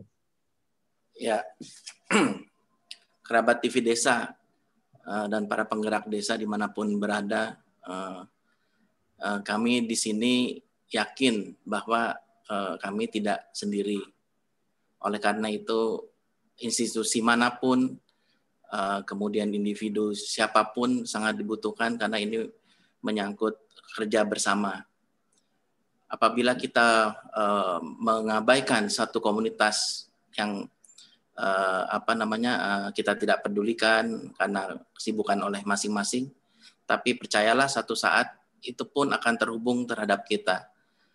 Satu contoh suatu produk-produk yang selama ini kita tidak sadar makin banyak produk-produk yang diimpor dari luar. Nah, apabila ini kita abaikan, satu saat pun akan berpengaruh kepada kita. Uh, selain itu banyak potensi dan sumber daya alam yang berada di desa, sumber daya manusia juga yang luar biasa. Tapi kita uh, tidak pernah uh, melakukan uh, meleverage dari potensi-potensi yang ada, sehingga itu hanya sekedar aset ya yang tidur. Dan lagi-lagi pihak-pihak luar yang memanfaatkan uh, memanfaatkannya. Oleh karena itu apa pun ke kemampuan dari uh, kerabat TV desa, apa pun kelebihan yang ada, uh, kami sangat uh, menunggu untuk bersama-sama bergabung dalam gerakan uh, Desa Emas. Karena uh, 75 ribu desa dan 8 ribu kelurahan bukan angka yang kecil. Dan juga potensi-potensi yang uh, uh, saya lihat yang juga uh, tercengang karena rata-rata bahan baku yang kita miliki adalah nomor, kualitas nomor satu di dunia. Tapi begitu bicara uh, produksi, kita kalah sama negara-negara lain. Gitu. Jadi masih banyak yang bisa kita leverage. Uh, saya kenal bahan baku yang seperti uh, porang, yang baru, kemudian juga yang lainnya. Yang belum kita olah, kita jadikan sebuah uh, premium produk. ya Bukan sekedar hanya mengekspor dalam bentuk bahan baku. Uh, jadi uh, itu saja. Eh, kami uh, sangat berharap uh, kita uh, uh, berkumpul saling bahu membahu menggerakkan apa pun kelebihan yang kita miliki. Tentu itu sangat bernilai uh, bagi masyarakat desa yang menunggu luran tangan dari kita. Bukan hanya semata-mata dana bukan hanya semata uh, teknologi ataupun modal tapi juga pasar ya. Kita harus berani membeli produk dari desa itu sendiri itu saja Mas Alvin terima kasih luar biasa Mas Erik maju terus gerakan Desa Emas dan para patriot eh, desanya se-Nusantara. Ya. Masih. Kerabat desa ya kita hari ini tayang di uh, beberapa satelit uh, Telkom 4, Nusantara uh, 1 dan juga bersama NU Channel di Aisyah Yanasat dan juga di Genflix Live. Nah, mari kita uh, sapa juga uh, sorry, uh, mari kita dengar closing statement dari Mas Dedi dulu dari Sumatera Selatan yang paling jauh hari ini ya Sumatera Selatan. Ya, silakan Mas Dedi, silakan. Terima kasih Mas Pin, terima kasih semua dan ya. selam, eh, terima kasih ke kerabat desa pada hari ini uh, telah menjadi kesempatan kami ikut uh, bertukar pikiran dan ber, mengasih apa informasi tentang apa aktivitas kita masing-masing dalam berjuang. Dalam hari ini adalah hari 10 eh, November, hari pahlawan. Kita yang kita lakukan adalah bagaimana mengisi hasil perjuangan para para perjuang sebelumnya.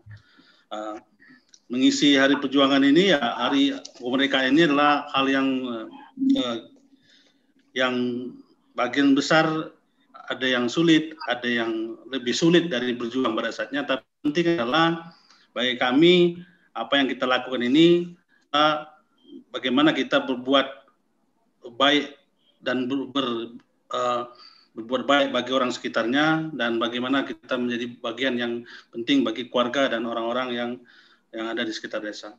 Mungkin itu saja. Terima kasih atas kesempatannya dan mudah-mudahan ke depan kita saling memberikan semangat tetap berjuang untuk uh, desa dan kesejahteraan masyarakat secara seluruh untuk bangsa Indonesia. Ya. Assalamualaikum warahmatullahi wabarakatuh.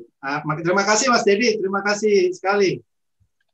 Ya, uh, kita sapa Pak Darmono untuk closing statement hari ini kepada uh, kerabat desa. Uh, silakan Bapak. Ya, selamat Hari Pahlawan untuk semuanya. Tetap semangat. Itu aja. Ya. Terima kasih kesempatannya, ya. Mas Arwin. Terima kasih. Nah, sangat uh, singkat dan padat. Terima kasih Bapak. Terima kasih. Uh, Prof. Marsudi, uh, monggo uh, closing statementnya. Hmm, terima kasih, Mas. Kerabat desa. Baik, Mas. Terima kasih, Mas Arvin. Uh, Bapak Ibu dan saudara sekalian, orang tua kita dulu telah mengorbankan nyawa untuk memerdekakan Indonesia. Sekarang tugas kita adalah mengisi kemerdekaan itu dengan membawa agar Indonesia lebih merdeka lagi, agar masyarakat, agar Indonesia bebas dari kemiskinan, bebas dari kebodohan, dan bebas dari kejumutan. Nah, perjuangan itu hanya bisa kita lakukan kalau kita membangun desa. Jadi, mari kita gunakan semangat pahlawan dari orang tua kita, untuk bersama-sama membangun desa, karena desa maju, maka Indonesia juga akan maju. Terima kasih Mas Arvin. Terima kasih Prof untuk kehadiran hari ini. Terima kasih sekali. Matur nuwun. Kerabat desa yang budiman, hari ini kita sudah uh, mendengar banyak sekali uh, pengetahuan baru mengenai kedaulatan desa untuk kemandirian berbangsa dan bernegara melalui semangat Hari Pahlawan. Tentunya tidak berhenti sampai di sini. Kita akan jumpa lagi di Talk with Arvin episode minggu depan. Talk with Arvin bukanlah hanya sekedar acara tayang TV adu ilmu para narsum berujung berpotensi menjadi perpecahan masyarakat meski rating tinggi. Namun Talk with Arvin adalah sebuah acara tayang TV yang merangkai ilmu para tokoh narsum-narsum hebat di negeri ini menjadi solusi dan berbagi pengetahuan bijak bagi yang menontonnya abadi. Sampai tayang kapan pun terus bermanfaat bagi masyarakat, merajut pengetahuan dan budaya bangsa. Sampai jumpa di Talk with Arvin episode berikutnya. Terima kasih. Matur suksma. Assalamualaikum warahmatullahi wabarakatuh. Om Santi Santi Santi Om. Salam sejahtera, salam kebajikan, nama budaya. Terima kasih.